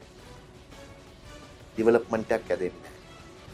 මේක තියෙන සිස්ටම් එක වැරදි ක්ලබ් සිස්ටම් එක මම කියන්නේ මේක ඩිස්ට්‍රික් ප්‍රොවින්ශල් සිස්ටම් එකට ගෙනිච්ච නැත්තං ගමේ ඉන්න කොල්ලෙක්ට කවදාක්වත් ලංකාවට ක්‍රිකට් ගාට බෑ ක්‍රීඩා සංගම් ලංකාව එකසිය ගානක් තියෙනවා. එතකොට ඔස්ට්‍රලියාව වෙනත් රටවල්දින විස්සයි තිහයි වගේ ගාන තර දැන් ඔබ කියනවා එච්චර ගානක් තිබිලත් ගමෙන් කාටක්කත් එන්න බෑ කියලා. සාමාන්‍ය බලය එන්න එන්න මේක පහළ මට්ටම දක්වා යනයකන හොඳ වෙන්න සංගම් මං වාට ඕක මට තියරයක් කියන්න? අපි ගම ස්කෝල ක්‍රිකට ස්කෝල් ක්‍රිකට් ඇයි ස්ටන්ඩ් එක බෑල කියනවනද මම අවුරු දාටේද ස්කෝලින් නම්ම කෙලින්ම ලංකාටීම අර්ජුන් රනතුන්ගේමයි මයල ජයවර්තන සනත් ජයසූරිය මාව නතපත්තු ඔයකට ක්‍රීඩ කරලා ඔය දැවන්තම ක්‍රීඩක ඔක්කෝම අයිල තින අවුරු දාට දානම දැන් එක්කෙන දාට දානමේනවාද නෑ. ඒතුව හැවිල්ලා ස්කූල් ක්‍රිකට් ස්ටෑන්ඩඩ් එක බෑලා තියෙන්නේ. ඒතුව අනු හයට ඉස්සරලා අපි ගාන කාලෙ ක්‍රිකට් කියන අපේ පටන් ගත්ත මයාල අනු එකේදී ටෙස් පච්චකට ගෙව්වේ රුපියල් දෙදස් පන්සීයයි. මුළු ටෙස් මච්ච එකට හරිද? වන්ඩේකට රුපියල් දහයි. හයි මම ඉස්සල්ලාම අනුව එකේ අනු එකේ ටුවර එක යද්දි මට මුළු ටුවර එකටම පවුන් අයසීයයි මගේ තාත්ත හිට වැඩි තුන්න ඇත්ත කතාව ඒක තමයි. හරිද? ක්‍රිකට් බෝඩ් එක වැඩකා නිටිය හය දෙන හත් දෙනයි. එතක හල හිටිය තිස්ස ගුණරත්න කියලා. අයිසක මනුසය හොඳ මනුස්සේ රුපියල් දායත් දෙන්නත් එයට අමාරුයි. එතකොට අපිට දුන්නේ ඇඳුමක්. එක ට්‍රක් බොටම් එකයි ට්‍රක් සූට් එකයි එක සූට් එකයි. ටීෂට් ඔක්කොම ඔක්කොම අපි ගන්න ඕනේ සපත්තු ඔක්කොම අපි ගන්න ඕනේ ග්ලව්ස් ඔක්කොම අපි ගන්න ඕනේ. එතකොට ජර්සිස් එකයි දෙකයි දුන්නේ. ඒ සීතලේ ගිහිල්ලා ඒකෙන් බේරෙන්න බෑ. එතකොට සූට් එකක් දෙනවා. ඇඳගෙන යන්න ටයි එකත් එක්ක. එච්චරමයි හම්බුනේ අනිත් ඔක්කොම ප්ලේයර්ස්ලා ගන්න එහෙම ඔය අර්ජුන රණතුංගලා අද මොනවා වුණත් කියන්නේ හැත්ත කතා සමහරක් ඒවා අරවින්දලා ඔක්කොම දුක් විඳලා දුක් විඳලා තමයි මේ ක්‍රිකට් එක උඩට ආවේ. ඒගොල්ලන්ට අපි සූති කරන්න ඕනේ. මොකෝ බන්දුල වර්ණපුරලා මේ තුලිප් මෙන්ඩිස්ලා ඒ වගේ ජවන්තම පුද්ගලයෝ කැපවීමකින් තමයි ලංකාවට ටෙස්ට් ක්‍රිකට් ගෙනාවේ. ඊට අපි මතක් කරන්න ගාම ඉසානායක ඊට පස්සේ මේ රාජ මහේන්ද්‍රන් ඒ කට්ටිය තමයි ටෙස්ට් ක්‍රිකට් ගෙනාවේ ලංකාවට කොහොම හරි කතා කරලා ICC එකට. අද මේ ටෙස් ක්‍රිකට් එක එළියට යන්න තරම් තත්ත්වයට වෙලා තියෙනවා. මම මේක රියුමර් එකක් මේක ඇත්තද දන්නේ නැහැ. කතාවක් යනවා ස්පෝ අපේ ඉන්න ස්පෝර්ට්ස් මිනිස්ටර් ගිහිල්ලා ශෂාන් මනෝගෝර්ගෙන් ආලා තියෙනවා අපිට කාලයක් දෙන්න මේ ඉන්ටරිමත් තියලා ඒ ඇතුලේ කොන්ස්ටිටියුෂන් එක මාරු කරලා මේක සලසුමක් ගන්න. මේක ඇත්ත දන්නේ නැහැ මට ආරංචි උනේ ඒක. එයා කියලා තියෙනවා හොඳයි. ඒක හොඳ මේකක්. නමුත් මේ කාලය ඇතුළේදී අපි ටෙස්ට් ටෙස්ට් වලින් අයින් කරන්නම්. එතකොට වාට මේක කරන්න පුළුවන්. නැත්තම් ඡන්දයක් පවත්වන්න කියලා. එහෙම කියලා තියෙනවා කියලා ආරංචියක් තියෙනවා. ඒක ශෂාන් මාව කියන්නේ ICC එකේ චෑමන්. ඉන්දියාවට ගිහිල්ලා තියෙනවා, ආලා තියෙනවා. ඇත්ත වෙන්න පුළුවන් බොරු වෙන්න පුළුවන් ඒක කතාවක් විතරයි. ඉතින් ඒ தත්ත්වය කියන්නේ එයා කියන්නේ අපිට ටෙස්ට් ස්ටේටස් වලින් ඉඳන් එළියට දාන්න තරම් හිතට ගිහිල්ලා තියෙනවා කියන්නේ අපි හොඳ නැහැ කියන එකනේ. මම ගාන කාලේ දෙදස් එකොලායි එදස් දායි දෙදස් එකොලායි මේ ගොල්ලන් ඉන්දියාව යිසික අපි ටෙස්ටේජ අයි කරනවා කියලා කියයිද ඒගලන්ට ලෝක පාඩුවක් දවන්තම ක්‍රීඩකයෝ ඉන්න දවන්තම ටෙස් කණ්ඩායමත් එලිය දානවා කියලා කිනවා මම අපි ෆයිට් කර ICC එක්ක දෙදස් තුනේදී මොකෝ අපේ රයිට් සරන් එගොලන් දාණ්ඩ ගියා ICC වර්ල් කප් එකට. ක්‍රිකට් බෝඩ්ඩයට දුන්නා 10 10 මිලියන් විතර ඒකෙන් දුන්න භාගයක් ගැවීමක් ගෙවන්න ප්ලේයට ක්‍රිකට් බෝඩ් එක බෑ කිව්වා. අපි ෆයිට් කරා 100ට 15ක් දෙන්න ප්ලේයර්ස්ට ඔයගොල්ලෝ අපේ ෆොටෝස් යූස් කරනවා කියලා එම් අවුරුදු අපි අස්සම් කරේම නෑ 2003 දී අන්තිමට එග්‍රී වෙලා අපිටත් ගත්තා ක්ලබ් ප්ලේස් ලටත් සල්ලි ගත්තා ඔක්කෝටම සල්ලි අරන් තමයි අපි අස්සං කරේ. එච්චර හයියත් තිබ්බා. ICC ප්‍රසිඩන්ට් ඩ්‍රෙසින් රූම් එකට ආවා මෙල්බන් නොලදී අපි මන්ඩේ ගාදී එයා ප්ලීට් කරා මේක අස්සං කරන්න කියලා. ඒම තත්ත්වයක් තිබ්බ ටීම් එකක් මේක. දුකයි. දුකයි කියන්නේ ඒකනේ මම කිව්වේ. හරිම මට කනගාටුයි කියලා. මේ තත්ත්වයට ගිය එක. ඉතින් මේ කවුරුත් දන්නේ නැහැ මේ වෙච්ච වෙලාව. මේ ටීම් එක උනා ටීම් එකේ ගොඩාක් දේවල් වුණා. දැන් ටීම් එක බලන්න ෆේස්බුක් එකෙයි මේකෙයි වෙන දේවල්. අපේ ටීම් එකේ සමහරකට ගහගත්තත් එක්ක. නමුත් එකක් එළියට ගියේ නෑ. ඒ කියන්නේ බවුන්ඩරි ලයින් එකේ අතුලට ගියාට පස්සේ අපි රට වෙනුවෙන් සෙල්ලම් කරන්නේ. තමන්ගේ ඩිෆරන්ස් ඉවරයි. ඩිෆරන්ස් එක තිබ්බා. ඇඟිලි පහම වෙනස්. පුද්ගලයෝ කියනේවා වෙනස්. නමුත් නායකත්වයට සවන් දුන්නා. නායකත්වයට සවන් දුන්නා, කෝචර්ස්ලාට සවන් දුන්නා, ඩිසිප්ලින් තිබ්බා. ඒකත් නෑ දැන්. අඩුම ගානේ ඩිසිප්ලින් එකක්වත් තියෙන්න ඕනේ එකමුතුවක්. ක්‍රීම් එකක් දිනන්න 11 දෙනාම එකතු වෙන්න ඕනේ. දෙන්නේ කැද්දොත් ඉවරයි. ඒකයි මං කිව්වේ දැන් මේගොල්ලන් ICC එකට මං හරියට දොස් කියනවා දැන්. ඒගොල්ලන් කියනවා අපේ වංචා වෙනවා කියලා කෝ එක නමක්. ඇයි තියෙනවනම් දාලා ප්‍රූ කරලා ඒගොල්ලන් දනුවක් දෙන්න. බොරුවට ෆ්ලෝට් කරන්න එපා. සනත්ගේ නම යවනවා පව්. එයා කරලා නැත්තම් කොච්චර අසාධාරණයක්ද එයාට. මම කියන්නේ කරලා නම් මොනවා හරි ප්‍රූෆ් දාලා මෙයා කන්නේ නෑ අපි තමයි දූෂකම ඒක ICC එක වැරදි අපි ඒක එලා දකින්න ඕනේ අපේ මිනිස්ටර්ස්ලා මෙයා කියන අනේ මේ ICC කියන්නේ ඔක්කොම ඇත්තයි කියලා කොහොමද පිළිගන්නේ? එයා ප්‍රූෆ් දෙන්න තුන. එයාට ප්‍රූෆ් කරන්න කියන්නේ. දැන් ඔයාට හොරා කියන්න පුළුවන්ද මං? මගෙන් ප්‍රූෆ් එකක් තියෙන්න ඕනේ. ඉතින් ඒ වගේ ICC කරන්නේ නෑ මෙතන වංචා වෙලා තියෙනවා. එක නමක්වත් දීලා නෑ. නමුත් පරීක්ෂණයක් කරන්න කියන එක ඔහුගේ ඉල්ලීම සාධාරණයි නේද? ඉතින් පරීක්ෂණ කොහොමත් කරනවානේ. ඒගොල්ලන්ගේ ස්කොඩ් එකක් තියෙනවා ICC එකේ ඇන්ටි කරප්ෂන් කියලා ඒගොල්ලන් ෆයින් කරනවා හැම මැච් එකටම ඒගොල්ලන්ගේ ඔෆිස් කෙනෙක් එනවා මොනවා හරි වුණාම වෙනවා බෝඩ් එකෙත් ඉන්නවා ඇන්ටි කරප්ෂන් යුනිට් එකක් ඉතින් පරීක්ෂණ පවත්වන්න පුළුවන්. අපේ CID එකට බාර දෙන්න පුළුවන්. අපේ බෝඩ් එක බාර දෙන්න පුළුවන්. අපේ CID එකට පරීක්ෂණයක් පවත්වන්න කියලා ප්ලේයර්ස්ලා ගැන if you want. ඊට පස්සේ එලි දකින්න පුළුවන්. පරීක්ෂණ ඉවර වුණාට පස්සේ පරීක්ෂණේ වෙල වෙලාවේ කොහොමද නම් නම් විසික් කරලා මේගොල්ලන්ට චෝදනා කරන්නේ? ඉතින් මම හිතනවා දැන් මම ගාපු කාලෙත් මේ මොනවද කියලා හරි බයයි මට. දැන් මොකෝ? සමහරක් ගේම් මට පරදුනා. පරදුන ගේම් වල මේ මොනවද කියලා. එතකොට අපිටත් හරි අප්සෙට් එකකට මොකෝ එහෙනම්? දාන්න දාලා ප්‍රූව් කරලා මේවා කරලා මේකේ මේ ගේම් එකේ මේම වුණා මේම වුණා මෙයා වුණා. ඒ වගේ අනිත් රටවල කරලා තිබ්බනේ. පාකිස්තානයේ මව වෙලා කරලා දඬුවම ටක් ගාලා දුන්නානේ කියවෙන්නේ මුළු පාකිස්තානෙම ක්‍රිකට් බෝඩ් එකම ක්‍රිකටර්ස්ලම ජූසිකයි කියලා පාකිස්තානයේ රටේ කිව්වේ නෑනේ. ඔබ හිතන්න ඇත්ත මන්දනය ඔබ ක්‍රීඩා කරපු කණ්ඩායම ගැන සමහර විට මේ දේවල් පිට වෙන ඔබවත් නොදැන හැසිරුණා කියලා හැසිරෙව්වා කියලා යම්කිසි පිරිසක් මේ සූදුකාරයෝ ටිකක් යම්කිසි පිරිසක් මේක මේක ලෝකේ තියෙන දෙයක් නේ වෙන ක්‍රීඩාවක් ඒ වුණාට මේමනේ මම මට කියන්න පුළුවන් එකම දෙයයි මට නම් කවුරුත් ඇවිල්ලා කතා කරලා නැහැ ඕක ගැන.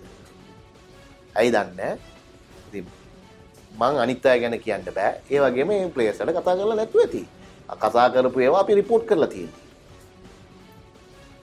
ඒ කියන්නේ අපි ගැන කවුරු හරි මොනාරි වැරදි දෙයක් කියන්න කිව්වොත් අපිට රිපෝට් කරන්න පුළුවන් මැනේජර්ට. එක ඉන්සිඩන්ට් එකක් වුණා. මේ කවුරුත් දන්නේ නැත 1997. කොයිද මේ 1997 අපි ගානකොට මේ ඉන්ඩිපෙන්ඩන්ස් කප් ඉන්දියාව එක්ක අපි පලිනි මැච්චේ පරාදයි පාකිස්ාන එක නිවසිලෙන් එක දින්නා ඊට පස්සේ පාකිස්ාන් දින්නා ඉන්ඩිය එක්ක. ඊට පස්සේ අපි ඉන්ඩියයි මැච් එක නිවසිල නවට් නමන් මේකින් first time එව three finals best of three finals ඉන්ඩිපෙන්ඩ අපේ ගාන්න තියෙන්නේ. දැන් අපි ඉන්ඩියයි කවුද දිනන්නේ? මුම්බයිවල මැච්ච එක. ඒගොල්ලන් තමයි ෆයිනල් යන්නේ පාකිස්තාන් එක්ක. එක පාටම අපිට කෝල්ලයක් ආවා ජොලින් මෙන්ඩිස්කෙන් ඔක්කොම එන්ඩ කියලා මීට්ටඩ කියලා. එතකොට අර්ජුන හිටිය කැප්ටන් මය වයිස් කැප්ටන් අරවින්ද. අපි ඔක්කොමාව අපිතුව මොනාද නිකම් ටීමීට් නැක් වෙන්නති කියලා එක පාට්ටන ගාලා කිව්වා. මේමයි මෙම ප්‍රශ්නයක් තියෙනවා. අපිට ඔෆ කරලා තියෙනවා ටීම්මක් ඇටියට මේක මැච්චක ඉන්දියාවට දෙන්න. මිලියන ගණන් ඩොලරේ කාලේ. එතකොට මේක කෝල්ල එක ඇවිල්ලා තියෙන්නේ මාම ඕගොල්ලන්ටත් සමානකට කෝල්ලෙයි ආපම අපිට දැනුවත් දෙන්න කියලා. ඒ වෙලාවේ අරවින්දයි කිව්වා මේ වගේ සනතුයි අරවින්දයි කිව්වා. ඒගොල්ලන්ටත් මේ කතා කරනවා. ඒකින්ද මේ ඒ වෙලාවෙම කතා කරලා අර්ජුන කිව්වා කවුරුත් මේ කෝල් වලට මේවා කරන්න එහෙම කවොත් ඇවිල්ලා ඉන්ෆෝම් කරන්න අපි මේ මේ වලට කිසිම සම්බන්ධයක් නැහැ එතනට ගිහිල්ලා පර්ෆෝම් කරලා අපි දිනලා මේ ටූර්නමන්ට් එක දිනන්න ඕනේ කියලා. අපි ඇත්තට මේ ඒ තීරණේ හිටියා ඒ වෙලාවේ ඒගොල්ලන් දුන්න එතකොට ඒගොල්ලෝ ඔක්කොම සීනියර් ප්ලේයර්ස්ලා මැනේජර් දුන්න ඇඩ්වයිස් එක මෙච්චරයි. ඒ ඉන්සිඩන්ට් එකක් වුණා ඊට පස්සේ අපි මැච් එක ගෙවා ඒක සනත් ගැව්වා 145ක්. ඕවර් 38න් ඒගොල්ලන් 222යි ගෙවේ අපි ඕවර් 34කින් දින්නා. ඒකලා ඒ ටූර්නමන්ට් එකත් අපි පාකිස්තාන් එක දෙකම ෆයිනල් දෙක දිනලා දින්නා. අනේ ඒ ඉන්සිඩන්ටක් විතල මට වෙලා අපිට තින ඒ අරෙන්ඩ නෑ. ඉන්දියාව ඒ කාල එහෙම බලපෑම් කරා කියන්නේ ඉන්දියාවන මේ ඉන්දියන් බුකී සොලින් ඉන්දියාල මුම්බයිවලන බුකී සොලින් එබ ඒක රිපෝට් කරලා තියෙන මයිතන්න අයිසිසිකට මේ මැච් ෆික්සිං කියන එක මේමන මැක්ස් ෆික්සින් කියන්නේ වෙන්ඩ ඇති වෙලා ඇති ඒව දන්නේ නෑ. මනන් දන්නේ නෑ. ප්‍රූ කරනකම් මම බිලි පිළි බිලීව් කරන්න කවුරුත් හොරයිද වෙ නැද්ද කියලා. එයා ලීගලි ගීල ප්‍රූ කරන්න. ඒගොල්ලන්ගේ මෙවාරන් නිකං අර කියන්නේ සස්පිෂන් කියලා. ඒකෙන් මිනිස්සු මිනිෙක්ව සෞත්තු කරන්න පතමයි මම කියන්න ICC එකට කෙලින්ම කතා කරලා මේ ගොල්ලන්ගේ මේ අතිපනන් එලියට දාලා නැත්තං ඉන්වස්ටිගේෂන්යක් යනවනම් කාටවත් කියන්න නැතුව තමන්ම ඉන්වස්ටිගේෂනය කරලා මේ ලංකාවෙනි මිනිස්සුන්ට අයි කාටවත් කියන්න නැතුව ඒගුලන් සීකට ඉන්වස්ටිගේෂන්යක් කරලා ඉවරලා ඊට පස්සේ එලියට දාන්න ප්‍රූෆ් නැත්තම් එම්ම දා ඉවර කරන්න ප්‍රූෆ් තියෙනවා නම් එලියට දාන්න. ඔබ හිතන විදිහට ලංකාවේ ටීම් එක මේ තත්ත්වයට පත් වෙන්න මොකක්ද හේතුව? නේද මම දැන් කියහනවුවා ඩයිවර්ට් කරලා වෙන අපි ආපහු කතාවට ආවා. එතකොට දැන් ස්කූල් ක්‍රිකට් ගත්තාම ස්කූල් ක්‍රිකට් මම කියවනේ එක එක දවන්ත ප්ලේයර්ස්ලා ආවේ අවුරුදු 18 දාන මේ කියලා. කාලේ 90 ගණන් වලයි 80 ගණන් වලයි 70 ගණන් වලයි එමය ආවේ. දැන් එක වෙනස් වුණා. දෙක දෙක අතකින් වෙනස් වුණා. එකක් ඇවිල්ලා වර්ල්ඩ් වල ස්ටෑන්ඩඩ් එක කියලා තියෙනවා ක්‍රිකට් ස්ටෑන්ඩඩ් එක. ඒ කියන්නේ ෆැසිලිටිස් වැඩි වුණා මේවා වැඩි වුණා IPL වගේ ආවා. එතකොට ඒ රටට ඇඩ්වාන්ටේජ් එක වැඩි. ඒ කියන්නේ ඒගොල්ලන් ඇවිල්ලා ලෝකේ ඉන්න දවන්තම පන්දු යවන්නන් ඇයි? දවන්තම බැට්ස්මන්ලට බෝල් කරනවායි බැට් කරනවා එතකොට යන් ප්ලේයර්ස්ලට ෆී එක ගන්නෑ ගියාම. දැන් අපේ එහෙම ටූර්නමන්ට් එකක් නෑ එකක්. හේතුව. ස්කූල් ක්‍රිකට් වල මොනවද වෙන්නේ? අනු අයට ඉසල මංකිවන මේ සල්ලි තියෙන ප්‍රශ්නයක් කාටවත් තියෙන ඒ කාලේ ඇත්තම කියනවන ඔය ටිරෝන් ෆනන්ඩොලා ඒ වගේ මිනිස්ටර්ලා තමයි ඉටියේ මොනාද මේ? ඒගොලන් ඒගොල්ලන් ක්‍රිකට් ආසාාවඉදා සල්ලිවෝල්ටෝ මොනවාටෝ කිසිම දෙයක් නෑ ඒ කට්ටිය ප්‍රසිඩන්් ලවයිස් කන්දකුමාලා මයිකල් තිසේරලා ඔක්කොම හිටියේ බෝඩ්ඩෝලේම ආදරයට. ඔය එතකොට බෝඩ් එක දාදනයි පාලොස්නයි වැඩ කරන්නේ. තේමයි හිටියේ රයි දැන් සල්ලි ආව අනුවයම් වල් කප් එකට. ඒක උස්තු හටන අනුවහ වල් කප් එක තමයි මේ රටට දෙවන්තම ආදායමක් ගෙනාවත් ඒවගේම මේ රට ක්‍රිකට්වලින් ලොකු අනිවාරය ලොකු රටක් වගේ පෙන්නුව ලෝකෙට. ඔබකට තරග අසු පහක් විතර ක්‍රඩා කරන්නකම බෝධනන් හිටියන කිරවල්ල. කවුරුදන්න ඉතින් ඉතින් ඒකින්දා ඊට පස් ඒ කාලෙදී දැන් දැන් දැන් ප්‍රොබ්ලම් එක මුණ ස්කූල් කොට්ටොල පේරන්ස්ලා ඇම පේරන් ගෙනෙක්ටම තමන්ගේ පුතා අයි ලංකාවට ගන්න ඕනේ අයිපල් එකට ගන්න ඕනේ බැවන්ත ඒගෙන මේක හිතනවා මේක ලොකු වෘතිය මේකක් කියලා හිතාගෙන තමයි ළමයාව පුෂ් කරන්නේ. පුෂ් කරනකොට එතනත් අසාධාරණ වෙනවා.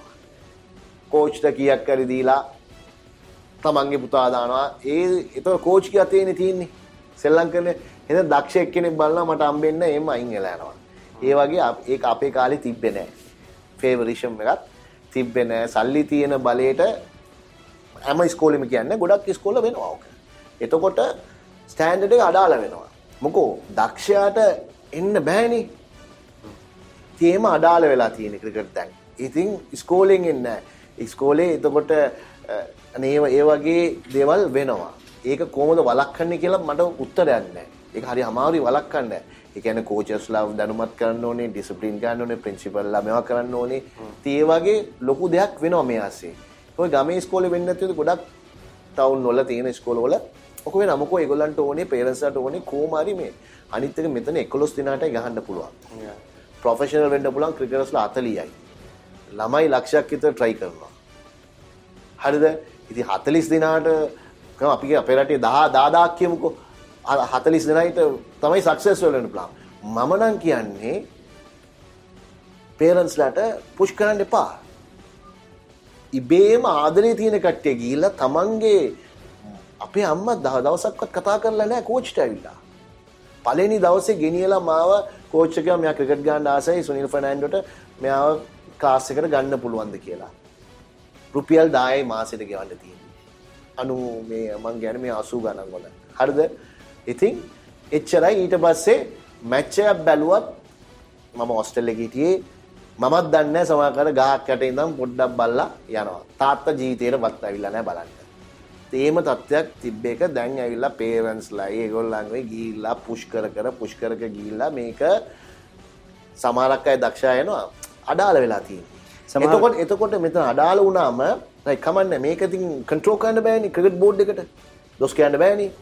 ක්‍රිකට් බෝඩ් එක හදන්න ඕනේ. දැවන්තම ෆස්ට් ක්ලාස් ස්ටේටස් එකක්. ඒ කියන්නේ හොඳ ප්‍රෝග්‍රෑම් එකක් හදන්න ඕනේ. මේ මෙතන එන කට්ටියට එතනින් හොඳ එඩියුකේෂන් එකක් දීලා එතනින් උඩට දාන්න. එතකොට තමයි ටෙස්ට් ක්‍රිකට් වල මෙවන. දැන් ඉන්න කට්ටියට අර කම්පිටිෂන් එක කොහොමද ගන්නවත් කියලා මට හිතන්නේ මම පෞගිය දවසක මැච් එක නිකන් මම ටීවී එක දාපුවම මැච් අපේ පුතා හරි ඉන්ට්‍රෙස්ටඩ් මැච් බලන්න. ඉතින් එයා දාපුවම ඩංගාලා බැලුවා. ඒ කියන්නේ ඔබ මැච් බලන්න ඕනේ ඔබ දැන් ඔය ඉතිසල කාලේ එක්ක මම අවුරුදු 3ක් විතර ක්‍රිකට් බැලුවේ නෑ පුතා බලනවා. එතකොට අර ඇන්දාවට ආපුවම පොඩ්ඩක් බලන්න. ඉතින් මේ වෙලාවේ යන්නේ සවුත් ආෆ්‍රිකා ටීම් එක. ඇන්දාවටනේ යන්නේ. ඔව්. ඒගොල්ලන් ටයිම් ඩිෆරන්ස් ඉඳලා ඉතින් ඇන්දා හතර විතර බලනකොට සවුත් ආෆ්‍රිකා ඕල් අවුට් වෙලා අපි ගහනවා. ඒකේ ගැටියුත් ගිහිල්ලා. අලුත් එක්කෙනෙක්, ෆ්‍රෙෂ් එක්කෙනෙක්. ලෙෆ්ට් හෑන්ඩ් ස්පිනර් ෆස්ට් ඕලේ දානවා. ආපු ගමන් පැනලා ගහනවා. බලන්නේවත් නැහැ මොනවද එයා දාන්නේ කියලාවත්. ගැව්වා. එහෙම ගහලා ඊට පස්සේ බෝලයක් පැන්න ගැව්ව ගාම හොඳ වෙලාවට ඉන්සයිඩ් එජ් එකක් ගිහිල්ලා අර පැත්තට ගියා. 40 විතර කොහමරි බේරුණා. මේ මං හිතුවා සමහරකට මෙයා නයිට් වොච්මන්ද කියලා. ඒ තත්ත්වයට පෙන්නන. මොකද නයිට් වොච්මන් කියන්නේ එක කට්ටයක් ගිහිල්ලා මැච් එක නවත්තන්න යනවා. නයිට් වොච්මන්ද කියලා. මට හිතුණා ඒ වෙලාවේ ටේලන්ට් කෙනෙක් වගේ. අප මම බැට් කරනවා වගේ. ගිහිල්ලා ඔයිට මේට ගහන්නේ. අනේ වගේ. ඉතින් ඒම තත්ත්වයකට වෙලා තියෙන දැන් නමුත් මතක නැහැනේ මොකද දැන් ඉස්සර ඔබ ඉන්න කාලේ කණ්ඩායමට 15ක් 20ක් අතර නම් උපරිම 15ක් විතර අපිට තියෙනවා. දැන් 20ක් 30ක් විතර නම් 40කට විතර නම් කරන අවුරුද්දකදී ක්‍රීඩකයෝ. මේක ප්‍රශ්නයක්ද? මටත් දන්නේ නැහැ භාගයක්. ඉතින් මටත් හරි ලැජ්ජ වෙන්න ඕනේ කියන කියන්නේ. ඉතින් හරි ලැජ්ජ වෙන්න ඕනේ. ඉතින් මේමනේ මතක තියාගන්නත් බෑනේ. මතක තියෙන්න නම් නමේ perform එකක් තියෙන්න ඕනේ. දැන් චන්දිමාල් කියවම දන්නවා. සීයේව ගහලා තියෙන එක්කෙනෙක්. කවුරු හරි perform කරමුත් නේ කැ- ගැළපිලා පේන්නේ.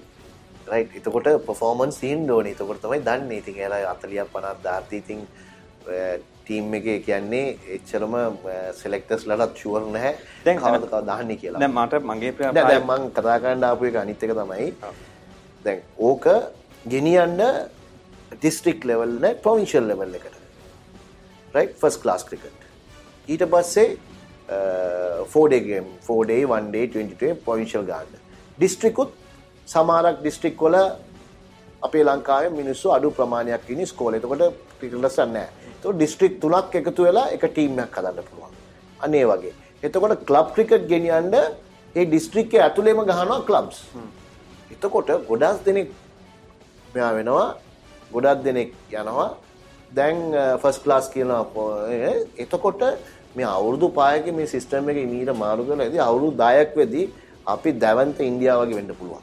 නමුත් පළමු පෙළ ක්‍රිකට් තරඟවලදී සාමාන්‍යයෙන් පන්දු පහර දෙන්නේ පිතිකරුවෙක් ලකුණු 10 සීමාව පන්නනවා.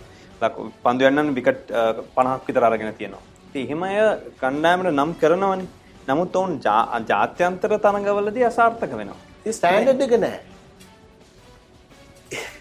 මම අරවින්ද ඩිසිල්වාට දාන එකයි ඩිල්ලාර ෆර්නෑන්ඩෝට බෝල් කරන එකයි වෙනසක් තියෙනවනේ. ඒක තමයි වෙනස. ඉතින් ඒ වගේ දැවන්ත දැන් සංගක්කාරට බෝ කරනකොටයි තව පොඩි එක්කෙන්ට බෝ කරනකොට ලොකු වෙනසක් තියෙනවනේ. සංගක්කාර අවුට් කරන්නේ කොහොමද කියලා අපිට මේ ඔළුව කරක ගන්න වෙනවා. දැවන්තම ක්‍රීඩකෙක්. මයිල ජාවදන ඒ වගේ. ඒ වගේ ක්‍රීඩකයෝ ක්ලබ් ක්‍රිකට් වල ඉස්සර හිටියා දැන් මම ගාන කාලේ දැන් මම පටන් ගත්ත කාලේ 91 දැන් මම පටන් ගාදී කුමාර ධර්මසේන ඉන්නවා මගේ පිටිපස්සේ. රුවන් කල්පගේ ඉන්නවා බෝකාන්. ඩොන් අන්නසුරි ඉන්නවා. රජිත් මදුරුසිංහ ඉන්නවා. අය අත් දෙනෙක් විතර ලංකාවට ගහපු ඒගොල්ලන්. ක්ලබුත් ගහනවා. හරිද? එතකොට බැට්ස්මන්ලා ගත්තාම රොෂාන් මානාමල ඔක්කොම ඉද්දි චාමින් අදුන් එත්ති. ඒමන්ත වික්‍රමරත්න වර්ණ වරාගොඩ ඒ වගේ දවන්ත රන්ස් ගහන්න පුළුවන් වුණාට chance එකක්වත් හම්බෙන්නේ නැහැ. කම්පිටිෂන් එක වැඩි. දැන් මේකේ තරගයක් නෑ කොහොමත් නම් කරලා ඉන්නවා කොහොමත් මම දැකපු එකම කෙනෙක් වර්ණ වරාගොඩ. එච්චර ටැලන්ට් එකක් තිබ්බු ක්‍රිකට් මම හිතුවේ ඒ කියන්නේ ආට ගහන්න බැරි වුණා ඒ කාලේ ක්‍රිකට්. හතුරු සිංහ ඉස්කෝල්ටවත් ගෙවුවේ නැහැ. ආවේ කොහොමද? ඒ වගේ දැවන්තම ක්‍රීඩකයෝ හිටියා පිටිපස්සෙන්. 10ක් 15ක් 20ක් හිටියා රිප්ලේස් කරන්න. දැන් ඒ රිප්ලේස්මන්ට් එක නැහැ. ඒකයි ප්‍රොබ්ලම් එක. ඔබ සමුගත්තයන් පස්සේ යම් තාක් දුරට හෝ අඩුව පුරවන්න පුළුවන් මේ ශ්‍රී ලංකා කණ්ඩායමේ රංගන හේරත්ත. දැන් ඔහුගෙන් පසු ලොකු ප්‍රශ්නයක් තියෙනවා. හැබැයි එහෙම කෙනෙක් නැහැ. මොකද හේතුව? ඇයි එහෙම කියන්නේ? ඉන්නවා. මෙන්ඩිස් දකින්නේ මොනවද? මෙන්ඩිස් ඉතාම ලාබාල ක්‍රීඩකෙක් නේ අයතී. ඒ වගේම සුරාජුව ඒ කාලේ හිටියා. එහෙම ගොඩක් අපිට පස්සේ හදලා තිබ්බේ. ඒගොල්ලන්ට කියලා අපි දන්නේ මේ කාලේදී. ඒගොල්ලන් මෙන්ඩිස් මයින් යන කාලෙත් ගැව්වා. හොඳට ශ්‍රී ලංකාව පර්ෆෝම් කළා. දැන් අන්තිම කාලේ මොනවා වුණාද කියලා අපි දන්නේ නැහැ. ඒක ඒ වෙන මොන හරි ප්‍රශ්නයක්ද ඔබ හිතන විදිහට? දන්නේ නැහැ. ඉතින් මම කිව්වනේ 2011 සමුගත්තාට පස්සේ ශ්‍රී ලංකන් ක්‍රිකට් වලට මම එකම එක පාරයි නිශාන්ත රණතුංග ඇඬුවා ගැවිලා පොඩ්ඩක් පියල්ට කරන්න පුළුවන්ද කියලා.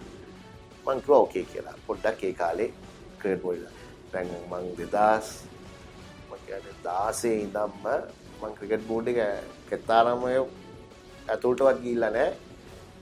ක්‍රිකට් බෝඩ් එක ඇතුළටවත් ගිහිල්ලා නැහැ. අවුරුදු තුනක්. ගිහින් බැලුවා නම් හොඳයි? බල්ලා මොනවද කරන්නේ? දැන් තියෙන තත්ත්වෙත් එක්ක රටක් විදිහට. අපිට දුකක් තියෙනවනේ ඇත්තටම. ඔබ ඒ වැනි වුණාට- ඒ කෙනෙකුට වුණාට ඉතින් කරන්න පුළුවන් දේවල් තියෙනවා බැරි දේවල් තියෙනවානේ මම කියනවා ඕක හදන්න බැරි දෙයක් කියලා. ක්‍රිකට් එක? ලංකාවේ ක්‍රිකට්? බෑ. ඒ කියන්නේ අපිට අනාගත බලාපොරොත්තුවක් තියාගන්න හොඳ නැහැ. මගේ මතේනේ මගේ මතේ ඒක බෑ. කවුරු ආවත් බෑ. එහෙම ඕන ප්‍රශ්නයකට උත්තරයක් හොයන්න පුළුවන් විදියක් තියෙනවනේ. මේක උත්තරයක් හොයන්න පුළුවන්. ඒ උත්තරේ උත්තරයක් හොයයි. නමුත් ඒක ක්‍රියාවට දානකොට ක්‍රියාවට දාන්න බැරි වෙනවා පරිපාලනයේ දවුල. අනිවාර්යයෙන් පරිපාලනයේ හරියට තිබ්බොත් තමයි ක්‍රිකටර්ස් ලැබී වෙන්නේ. හරියට සල්ලි යොදන්න ඕනේ. හරි ක්‍රමයට සල්ලි යොදන්න ඕනේ. බෝඩ් එකද ආණ්ඩුවද? හා? අවුල. ආණ්ඩුව කිසිම ප්‍රශ්නයක්. නෑ ඉතින් කොහොම ටීම් එක අරන් ගියත් අන්තිමට ඇමතිතුමා අස්සම් කරලා යවන්න එපා. ඉතින් ආසම් කරනවනේ. එයාගේ එයාගේ අය ආවිල්ලා මම ආසම් කරන්නේ නැහැ කියලා එකම එක පාරයි මං හිතන්නේ මේ ආණ්ඩුවල උනේ එකම පාරයි ටීම් එකක් ගෙන්න ගත්තේ. මේ ඉතිහාසෙම.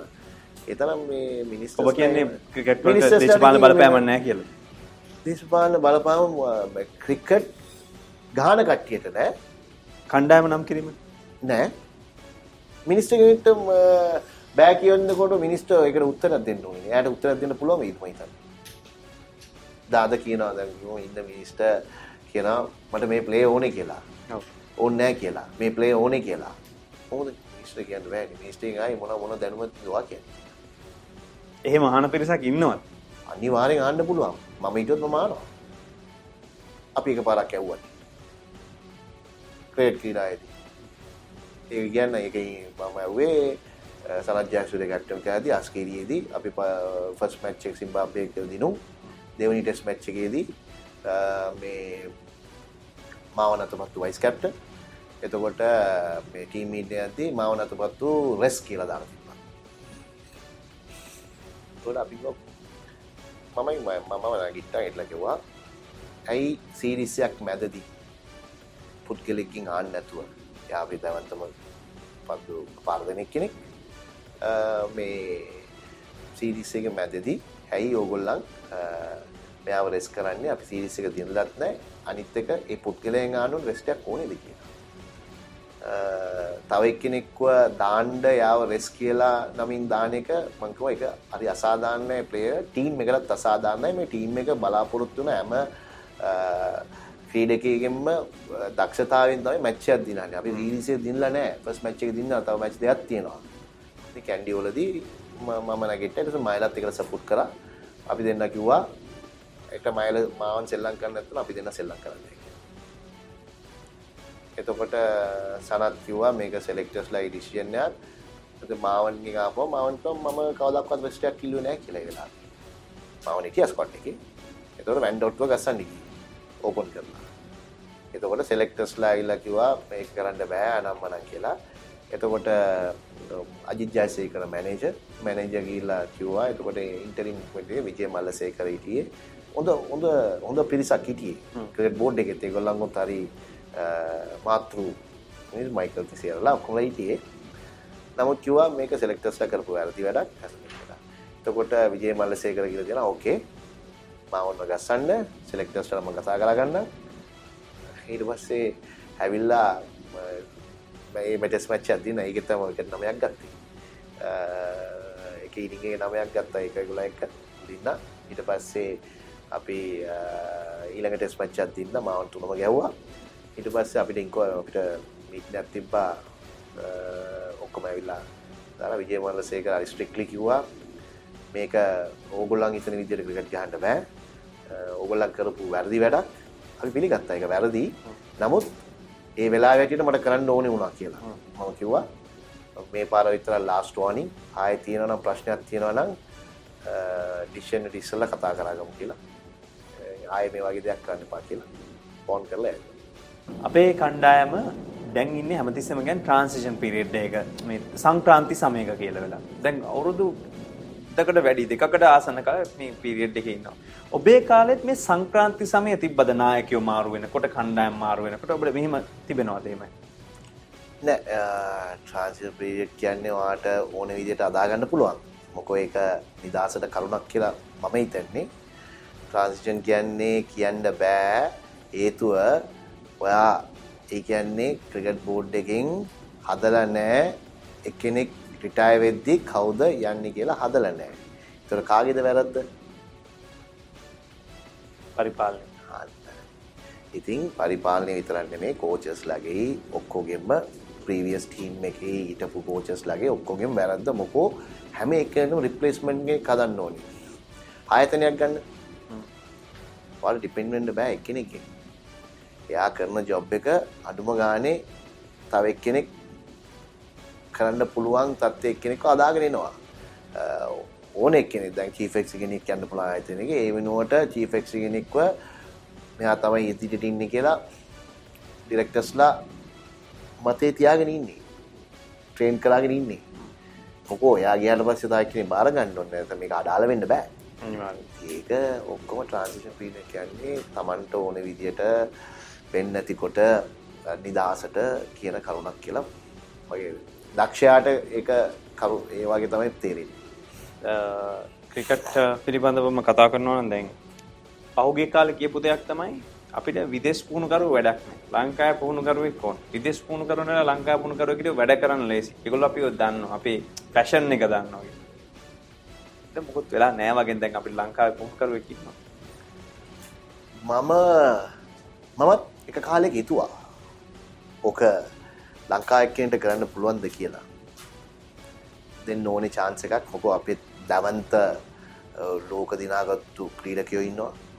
ඇයි අම්පායස්ලත් තින්නවා දැන්? ඇයි පුුණුකරු බීවෙන්ඩ බෑ කියලා? බැරිකමන්නේ පුළුවන්. ඒ පුද්ගලයා අනුව. ඉතින් මේ වෙලාවේ මේ වෙලාවේ තියෙන විදියට යාගේ කන්ට්‍රැක් එක පවා ඒ පුද්ගලයා මේකට සුදුසු නෑ කියලා තමයි අපි හිතන්නේ. මගේ මතේ මගේ යාළුවා හොඳම යාළුවා නමුත් ඇඩ්වාන්ටේජ් එකක් ගත්තා කියලා තමයි මට හිතෙන්නේ. මැක්සිමම් ඇඩ්වාන්ටේජ් එකක් ගත්තා කියලා තමයි හිතෙන්නේ. ඒ වෙලාවේ ක්‍රිකට් බෝඩ් එකේ හිටපු විදිහට ඒගොල්ලන්ට කවුරු ඒ වෙලාවේ ලංකාවේ කවුරු ඉදිරිපත් වුණත් මීට වැඩිය ඒ වෙලාවේ මහල ඉදිරිපත් වුණත් සංගක්කාර ඉදිරිපත් මීට වැඩිය දෙයක් කරයි කියලා මොකෝ ඒගොල්ලන්ට ඕනේ වුණා ලංකාවේ නමක් තියෙන පුද්ගලෙක්ක කරාම ඒගොල්ලන්ගේ මේක නැති ඒගොල්ලන්ගේ මිස්ටේක්ස් නැති වෙයි කියලා තමයි මේක කරේ කියලා මගේ මතේ.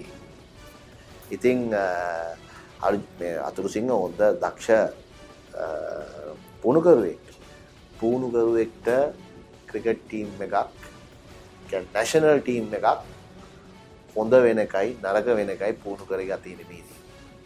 කාගෙත ප්ලේස් ලගේ ඇති එක මේ ඉන්න ටීම එක වක් කියන්න ඕන මේ තත්ව ඔව් පුුණුකරුට පුනොත් කරන්න බෑ. මොනවද කරන්න පුළුවන්?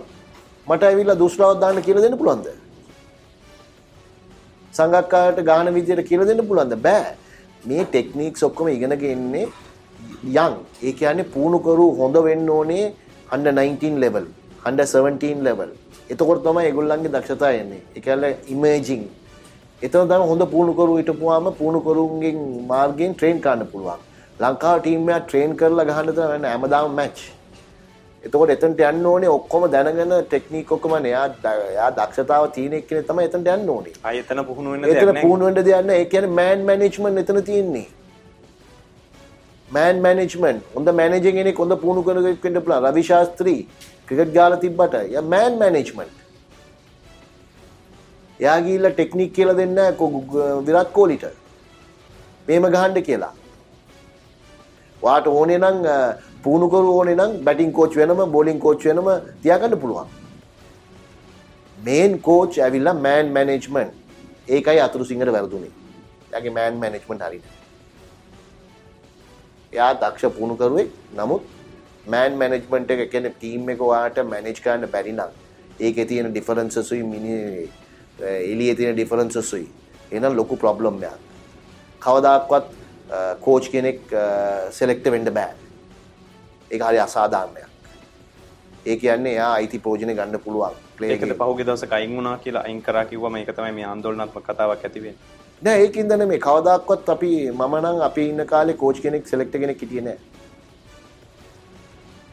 ඒ වගේ ගොඩක් අයිති ප්‍රෝජන වල කොන්ට්‍රැක්ට් වල දාලා තිබ්බා මම හිතන්නේ. ඉතින් ඒකින්ද ඒකට ඒකට ඉඩ දුන්න කට්ටියත් වැරදි. හරිද?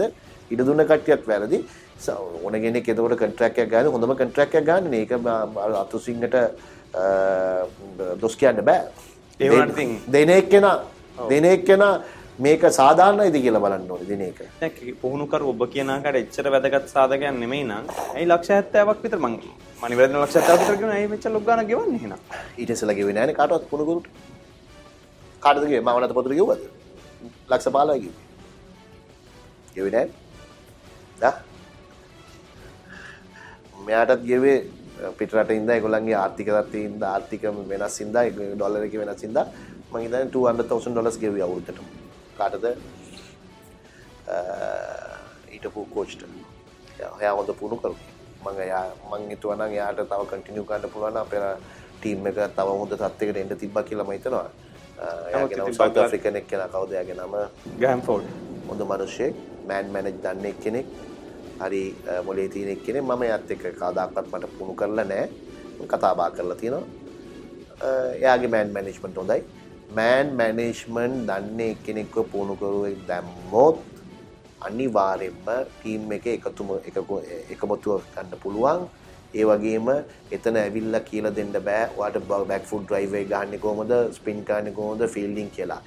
ඒ දැන් ඒ රටවල් ොල තියෙනවා ඒ වල්ටම කියලා ස්පෙශලිස්ලා කියලා. එතකොට වාට ඔන්න පැටින් කෝච් කෙනෙක් බෝලිං කෝච් කෙනෙක්. එතකොට ස්කිල්ස් ටික ඒගොල්ලන් කියලා දෙයි. ඒත් වැඩිය ඕනේ නෑ ඒ වෙලාවේ බට් ඒක තියෙනවා බැකප්පක් ඇයට නමුත් එඩ් කෝච් කෙනෙක් වෙන්න ඕනේ මෑන් මැනේජ්මන්ට්. ඒ කියන්නේ හරියට ප්‍රැක්ටිසස් ඕගනයිස් කරන්න, හරියට මේගොල්ලන්ට රෙස්ට් එක හම්බ වෙනවද? හරි වෙලාවලට පුහුණු වෙනවද? මෙයාගේ එෆර්ට් එක මොනවද? මෙයාගේ ප්‍රශ්න මොනවද? මෙයාගේ ෆැමිලි එකේ ප්‍රශ්න තියෙනවනේ ඒවත් සෝට් අවුට් කරන්න ඕනේ. මේ මේ පිට තියෙන ප්‍රශ්න මොකෝ කෝච් කෙනෙක් කියන්නේ තාත්තා කෙනෙක් වගේ. ඒ කියන්නේ වා ඒගොල්ලන්ගේ ප්‍රශ්න තියෙන්න පුළුවන්. මේ ප්‍රශ්න ගොඩාක් එළිය ප්‍රශ්න තියාගෙන මැදට ගියාගම ඒක මොලේ වැඩ කරනකොට ඔයා ක්‍රිකට් ගැන හිතන්නේ අර ප්‍රශ්න ගැන. ඉතින් ඕවා තමයි මේවා කරන එක. කෝච් කෙනෙක් හෙඩ් කෝච් කෙනෙක්ට මම හිතන්නේ මේක ෆුට්බෝල් නෙමෙයි. ප්ලේ එක ඉතින් හෙඩ් කෝච් ඇවිල්ලා කියනවා. මේ තමයි ප්ලේ කරන්න. මේ විදිහට තමයි ෆෝවර්ඩ්ස් ලෑන්ඩ් මේ තමයි කොහොමද ඒ කෝච් කෝච් ෆම් මැනේජර් ඒකට කියන්නේ කෝච් ෆම් මැනේජර් ක්‍රිකට් වල ඒක කරන්න බෑ. ඉස්සර කාලේ අපි ගාන කාලේ දුලිප් මෙන්ඩිස් කෝච් මැනේජර් ඔක්කොම. එයා මට ඇවිල්ලා කිව්වේ නෑ මුරලි මෙහෙම බෝල් කරන්න කියලා. එයා කිව්වේ මුරලි මොනවද කොහොමද හොඳ හොඳ වෙන්න මොනවද කරන්න පුළුවන්? මම ෆීල්ඩින් ටිකක් දෙන්න දෙන්න. මේ කරන්නද මේ වෙලාවට ප්‍රැක්ටිස් මෙහෙම. අන්න එහෙමයි. Arjuna Ranatunga. Dav Whatmore මේ නිකන් ඇවිල්ලා මට ඇවිල්ලා බෝලින් කියලා දුන්නේ නෑ වැරදි ආකල්පයක්. මේක ඇවිල්ලා මොනවද උනේ? මෙතන ඇවිල්ලා ක්‍රිකට් බෝඩ්ඩේ පාලනය ගැන හැම එක්කනම එක එක වැරදි කියද්දී ඒගොල්ලන්ට බේරෙන්න කරුණක් තියෙන්න ඕනේ. එතකොට මෙයාට බංග්ලාදේශ කියලා හොඳට කරපු ඉඳා මෙයාව කොහොම හරි ගෙන්න ගත්තාම අපේ මේ ඔක්කොම වැයෙනවා කියලා තමයි මේ දවන්තම කොන්ට්‍රැක්ට් එකක් ගෙනලා දුන්නේ. ඒක වැරදි තීරණයක්. එයාව කොන්ට්‍රැක්ට් එකට එන්න හරි විදියට ගෙනල්ලා හරි සාධාරණ විදියට එයාව කොන්ට්‍රැක්ට් කරන්න තිබ්බා මේක තමයි වගේ ජොබ් එක මේක තමයි අපිට ඕනේ මේක තමයි අපිට ඕනේ. මෙතන ඇවිල්ලා සෙලෙක්ටර්ස්ලා දැන් තෝරනවා. එයා ඕපනින් බැට්ස්මන් නම් මෙයාව ගෙනියලා පල්ලෙයා ගස්සනවා මෙයා ඕප එහෙම කෝච්ට කරන්න හොඳ නෑ. සෙලෙක්ටර්ස්ලා ඉන්නවා ඒක කරන්න. සෙලෙක්ටර්ස්ලා තෝරන්නේ ඕපන කවුද මිඩ් ලෝඩර් කවුද මෙයා කරද කියලා. කෝච් එක මාරු කරගෙන යනවනේ එහෙනම් කෝච් කියලා කතා කරලා මෙයා තමයි මේ වගේ තමයි ඕපන්. එහෙනම් එයා කප් ක්‍රිකට් වල ඕපන් කරන්නේ. පැරණි ක්‍රීඩකයෝ ටික ඔක්කොම එකතු වුණත් මේ වැඩේ ගොඩ දාන්න බෑද? මොකද අර්ජුන රණතුංග මහත්මයා කියනෝනේ උපසභාපති විදිහට ආවොත් යාට උදයක් කරන්න පුළුවන් කියලා. ඔබතුමන්ලා හිතන්නේ නැද්ද මේකත් එක්ක මොන හරි කළා? මොකද අන්තිමට කොච්චරවත් අපි ප්‍රේක්ෂකයෝ. අපි ක්‍රිකට් වලට ආදරය කරන මිනිස්සු හැමෝම රටේ බහුතරයක් එකතු කරේ. රට එකතු කරේ ඔබතුමාලා ක්‍රිකට් වලින්. මේ රට විවිධ විදිහට බෙදිච්ච එකතු කරා. මම හිතන්නේ ලොකු පිනක් මේ කරන්න පුළුවන් වුණොත් එකතු වුණොත් ඔබතුමාලා එකතු වෙන්න බැයිද? තියෙන තත්ත්වයන් එකතු වෙන්න බැයිද? ඔබතුමාලා මේ යෝජනාවලියක් ගෙනාවට වැඩක් නැත්නම් එකතු වෙලා වැඩක් කරන්න අමාරුයි.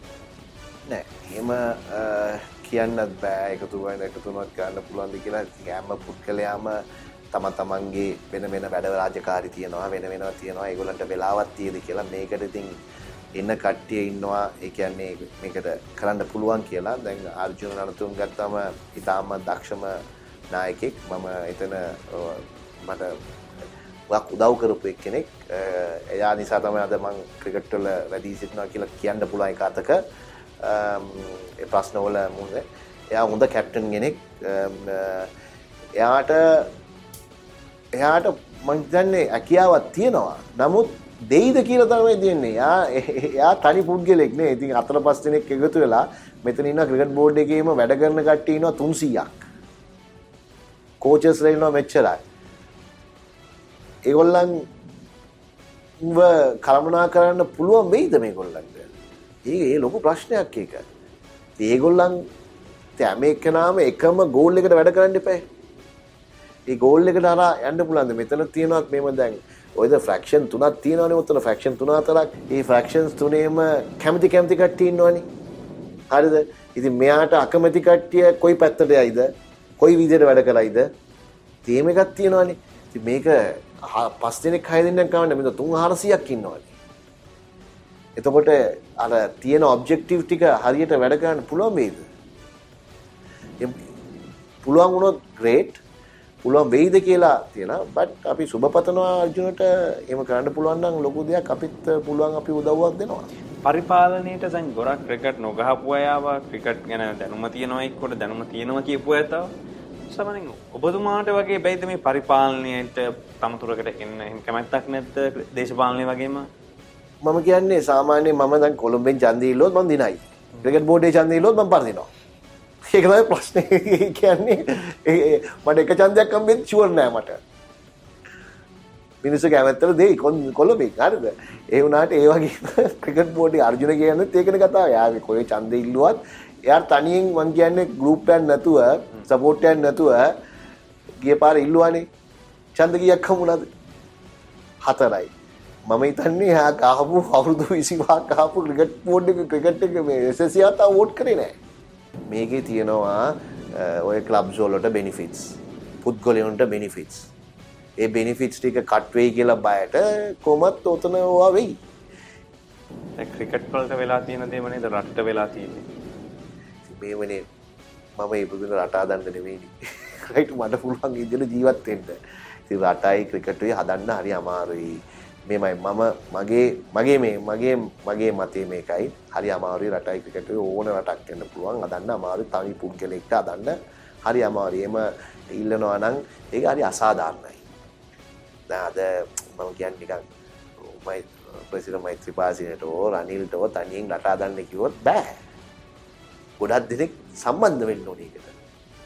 ඉතින් අනිවාර්යයෙන් මේක හැම සපෝට් එකක් තියෙනවනේ හැම පැත්තෙම තියෙනවනේ හැම එකම මේ සිස්ටම් එක අවුල් සිස්ටම්ස් කියන්නේ සිස්ටම් හොඳයි එක එක දේවල් වලට රටක් මෙවා කරන්න සිස්ටම්යක් කරන්න පුළුවන්ද කියලා දන්නේ ඒක එක එක මතයට සිස්ටම් එක කියන කොයි සිස්ටම් එකද කියලා අපි දන්නෙත් නෑනේ. කොයි සිස්ටම් එක හරියද ඔක්කොම සිස්ටම් යනවා යනවා කියනවා වෙනසක් ඕනි කියලා. ඉතින් වෙනස ආපුවම ඒ වෙනසත් හරි නෑ කියන ඊට පස්සේ ඊ වෙනස ඉතින් මොන වෙනසකටද යන්නේ ඉතින් ඒකින්ද හරි අමාරුයි කියන්නේ ඒවා.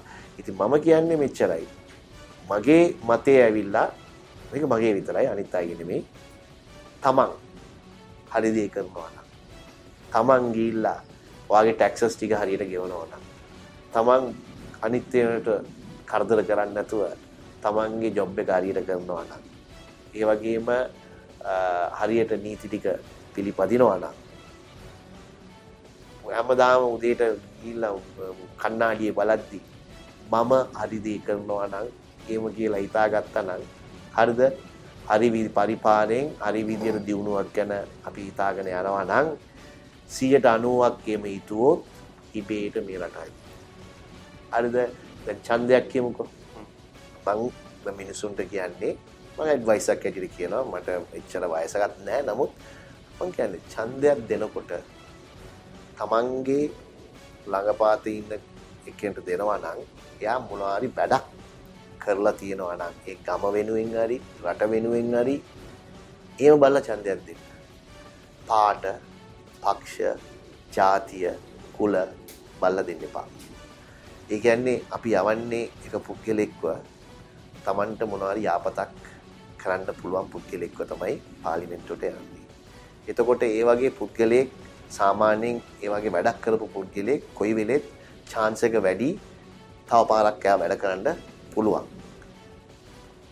ඒ වැඩ කරන සමහරක් අය ගොඩක් වැඩ කරන්න පුළුවන් සමහරක් පොඩ්ඩක් හරි. පොඩ්ඩක් හරි වැඩ කරපු එක්කෙනෙක්ට දෙන්න. එච්චරයි මම කියන්නේ පාටක් කොලක් බලන්න නැතුව තමන් තමන්ගේ ගම හරි තමන්ගේ නගරේ හරි කිසි ලාභයක් වෙනවා නම් මිනිස්සු අතරේ දෙන එක මං හිතන්නේ ඒම ගියොත් එම ඒම ඡන්දයට ඉදිරිපත් වෙලා ඒම දෙනවා නම් ඒක හොඳයි. ඒ වගේම තමන් තමන් හරියට දෙනවා දැන් කියමුකෝ හල්ලස් ගන්නවා කියලා කියනවා. ඒ වගේම ඉතින් අපි දුන්නොත් නේ ගන්නේ. දෙන එක නවත්තන්නකෝ. අපි හැදුනොත් ඔක්කොම හරි. ඉතින් ඇත්තනේ. දැන් මිලියන් 50ක් කමිෂන් දෙනවා කියනවා. ඉතින් මෙතන මේ මේ මේ තරංගයන්නේ හැම කම්පැනි එකකම තරංගයක්. ඉතින් කමිෂන් එක කවුද වැඩි දෙන්නේ කෙනාට ඒ ජොබ් එක හම්බෙනවා. ඉතින් ඔක්කොම කම්පැනි සිතුවොත් සාධාරණ විදියට අපිට chance එකක් හම්බෙයි. හරියට අපි මේවා දෙනවා නම් අපි ඒක දෙන්නේ නැහැ මොනවත්. සාධාරණ ඩොකියුමන්ට්ස් දාලා මේකත් ටෙන්ඩරයක් පාස් කරනවා නම් ඒ විදියට ගිහිලා සාධාරණ විදියට එනවා නම් අපි කියමු එතකොට වා දෙන්න නැති දෙන්න එක නැති කරොත් හරිද දෙන එක නැති කරොත් එතකොට ඔය අල්ලාස් අරවා මේවා උගා කඩු වෙනවා. එකක්. ඊට පස්සේ අපි කියමු දැන් ඡන්ද ඉල්ලනවනේ කට්ටිය. වියදම් කරනවා ගොඩාක්. දැන් මං කියවනේ 100 200 මිලියන් පව් මේ මිනිස්සු. මේ මිනිස්සුත් සමහර හොඳ මිනිස්සු ඉන්න පුළුවන්. නමුත් ඒක තව හොඳ මිනිහෙක්ට ආපහු ඡන්දයක් ඉල්ලන්නත් බෑ. මොකද හේතුව සල්ලි නෑ. ඉතින් මේමනේ ද අපේ රටේ පුරුද්දක් වෙලා තියෙන්නේ වැඩ කරනවා නෙමෙයිනේ බලන්නේ. අර චණ්ඩිකමයි ඇවිල්ල කාර් විස්සක් විතර නවත්තලා මේවා කරලා පෝස්ටර්ටියක් දාලා එහටන ගීල චන්දිගන්නේ අනිවාර්ය ඉති ඒ ක්‍රමේ නැති කරන්න.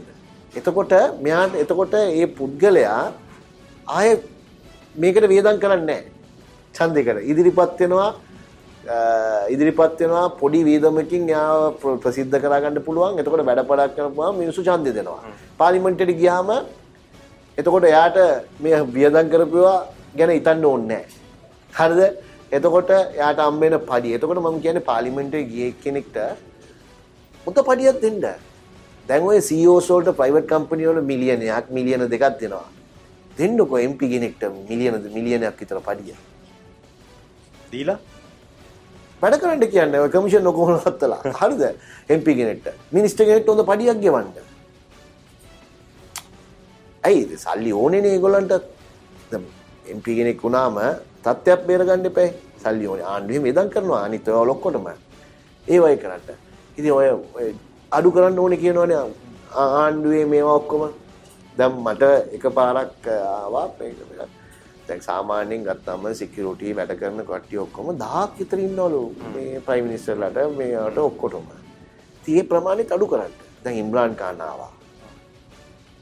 පාකිස්තානේ. හරිද? එයා මොනවද කරේ ඉස්සල්ලාම කරේ? එයාගේ සිකියුරිටි එක අඩු කරා. එයාගේ ගෙවල් ඔක්කොම නැති කරලා සාමාන්‍ය විදිහට ඔෆිස් එක අඩු කරා. වාහන අඩු කරා. වාහන අඩු කරා. ඔක්කොම අඩු කරා. ආදර්ශයක් පෙන්වන්න. ආදර්ශයක් පෙන්වන්න ප්‍රයිම් මිනිස්ටර් ඕ ජනාධිපතිවරෝ මිනිස්ටර් කෙනෙක්කෝ ආදර්ශයක් පෙන්වන්න මිනිස්සුන්ට හරි. අපි පුළුවන් තරම් අවම කරනවා අපේ වියදම. ඒකත් ඕගලන්ට දෙනවා. එතකොට මිනිස්සුන්ගේ අර හාට් එකෙන්ම එනවනේ අයියෝ මෙයා මොනවාරි කරන්න හදනවා කියලා අපිට. ඒ හැඟීමත් එන්න එපා අඩු ගන්න. ඉතින් ඕ මම කියන්නේ ඔය ඔය ඔක්කොම එකතු කරලා තමයි ඒක තමයි වෙනස. වෙනස කියන්නේ පාට වෙනසක් හෝ නමින් වෙනසක් හෝ නෙමෙයි. වෙනස කියන්නේ මේ කට්ටියම ඔක්කොම එකතු වෙලා එකතු වෙලා අයිට ඕකේ. මේ ඔක්කොම අඩු කරමු අපි. මිනිසුන්ට සාහනයක් දෙන්න. ඔබ උතුරේ සෑහෙන ඇවිදපු කෙනෙක් කියලා කිව්වා. උතුරේ මිනිස්සුන්ගේ ජන ජීවිතය ගැන මොකද හිතන්නේ? අනිම අසාධාරණ තත්ත්වය තියෙන ඒක ආණ්ඩුවට දොස් කරන්න බෑ. මම දන්න විදිහෙන් නම් ඉස්සරට මම ඉස්සරත් කියලා තියෙනවා ඔය කාලෙත් කියලා තියෙනවා අනිත් පාරෙත් කියලා තියෙනවා. තමයි චෙල්ලම තමයි තම්බෙලා තියෙනවා මං. හරිද? ඉතින් ඒ කාලේ නම් පාරවල් එම කැඩිලා මොනවත් නෑ, රේල් පාරවල් නෑ, මොනවත්ම නෑ. හැබැයි දැන් ඔක්කොම පාසුකම් ටික තියෙනවා. ඒ කියන්නේ පාරවල් එම. but එතන ඉන්න ජනතාවට වෘත්තිය අතින් වැඩවල් අඩුයි. නෑ. ඒ කියන්නේ ඉන්කම් එකක් නෑ. ඒ ඉන්කම් එක තමයි අදලා දෙන්න ඕනේ අපි. ඒ කියන්නේ ඒගොල්ලන් ජීවත් වෙන්නේ හරි දුප්පත් මිනිස්සු ගොඩක් මිනිස්සු. ගොඩක්ම 180ක්ම දුප්පත්. ඉතින් ඒක ගැන තමයි මම කියන්නේ ෆයිට් කරන්න ඕනේ කියලා. ඔය අයිතියි මේක ගැන ෆයිට් කරන්නේ ඒගොල්ලන්ගේ ජන ජීවිතය උඩට දාන්නේ කොහමද? කර්මාන්ත හදන්නේ කොහමද? ඒගොල්ලන්ට ජොබ්ස් ක්‍රියේට් කරන්නේ කොහමද? ඒගොල්ලන්ගේ ඉගෙනීම කොහමද මේවා කරන්නේ? ඒගොල්ලන්ගේ අන්න ඒ වලට තමයි ආණ්ඩුව මැදිහත් වෙලා ඒගොල්ලන්ට සපෝට් එකක් දීලා ෆන්ඩ් එකක් දීලා ඒගොල්ලන් උඩට ගන්න ඕනේ.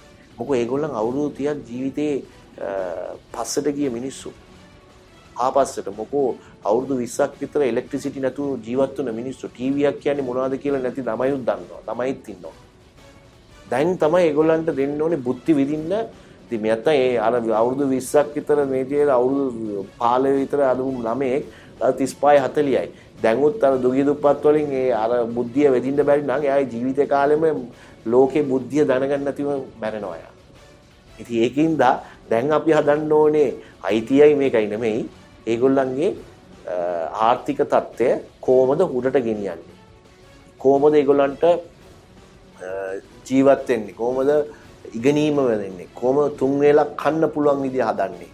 කොහොමද ඒගොල්ලන්ට ෆිල්ම් එකක් බලන්න එන්ටර්ටේන්මන්ට් මෙහෙන්න ස්පෝර්ට් එකක් කරන්න? අන්න ඒ වලට තමයි අපි මැදිහත් වෙන්න ඕනේ. මේක නිකන් කඩලා කඩලා ඉවරලා ඔය බජට් එකක් පාස් කරේ. අර ඉන්න කට්ටියත් කරේ නැත්තම් මොනවද වෙන්නේ?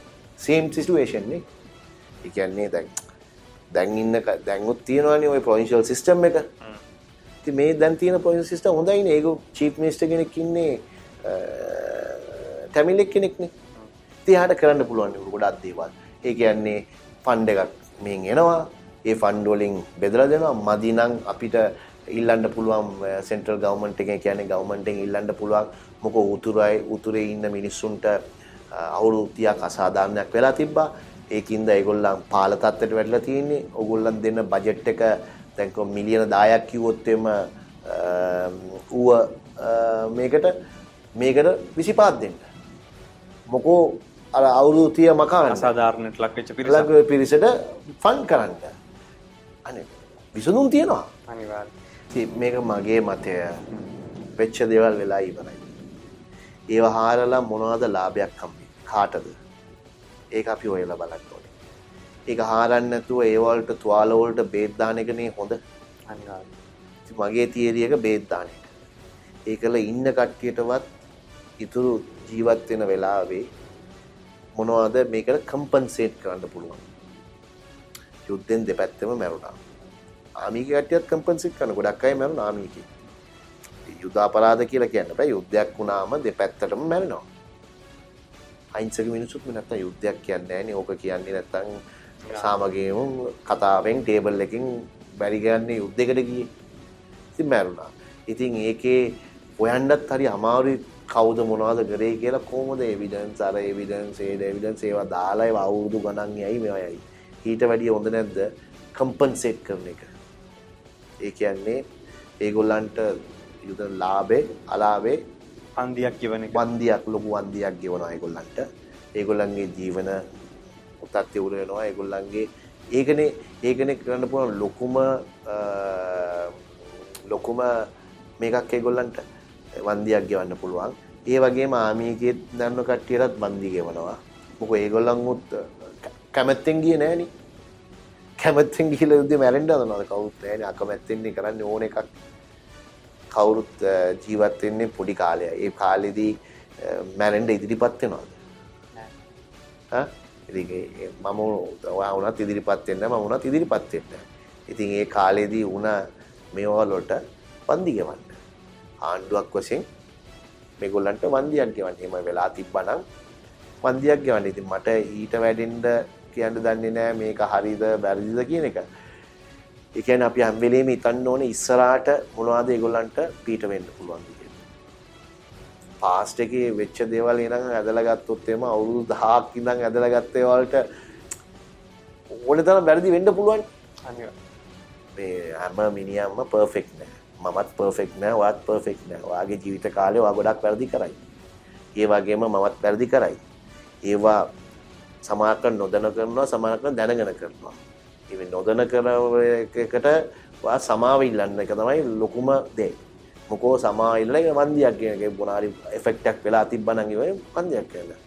ඉතින් අර දැනගෙන කරන එක ඉතින් තමයි ඒක තමයි පනිෂ් කරන්නේ මිනිස්සු. රයිට් ඔය ලෝ තියෙන්නේ මේවා තියෙන්නේ. ඉතින් මේක දැනගෙන වුණ දෙයක්ද නොදැන දෙයක්ද මේක ඒ අවස්ථාවේදී මොනවද උනේ කියලා ඒව හොයලා බලලා හරියට මේගොල්ලන්ට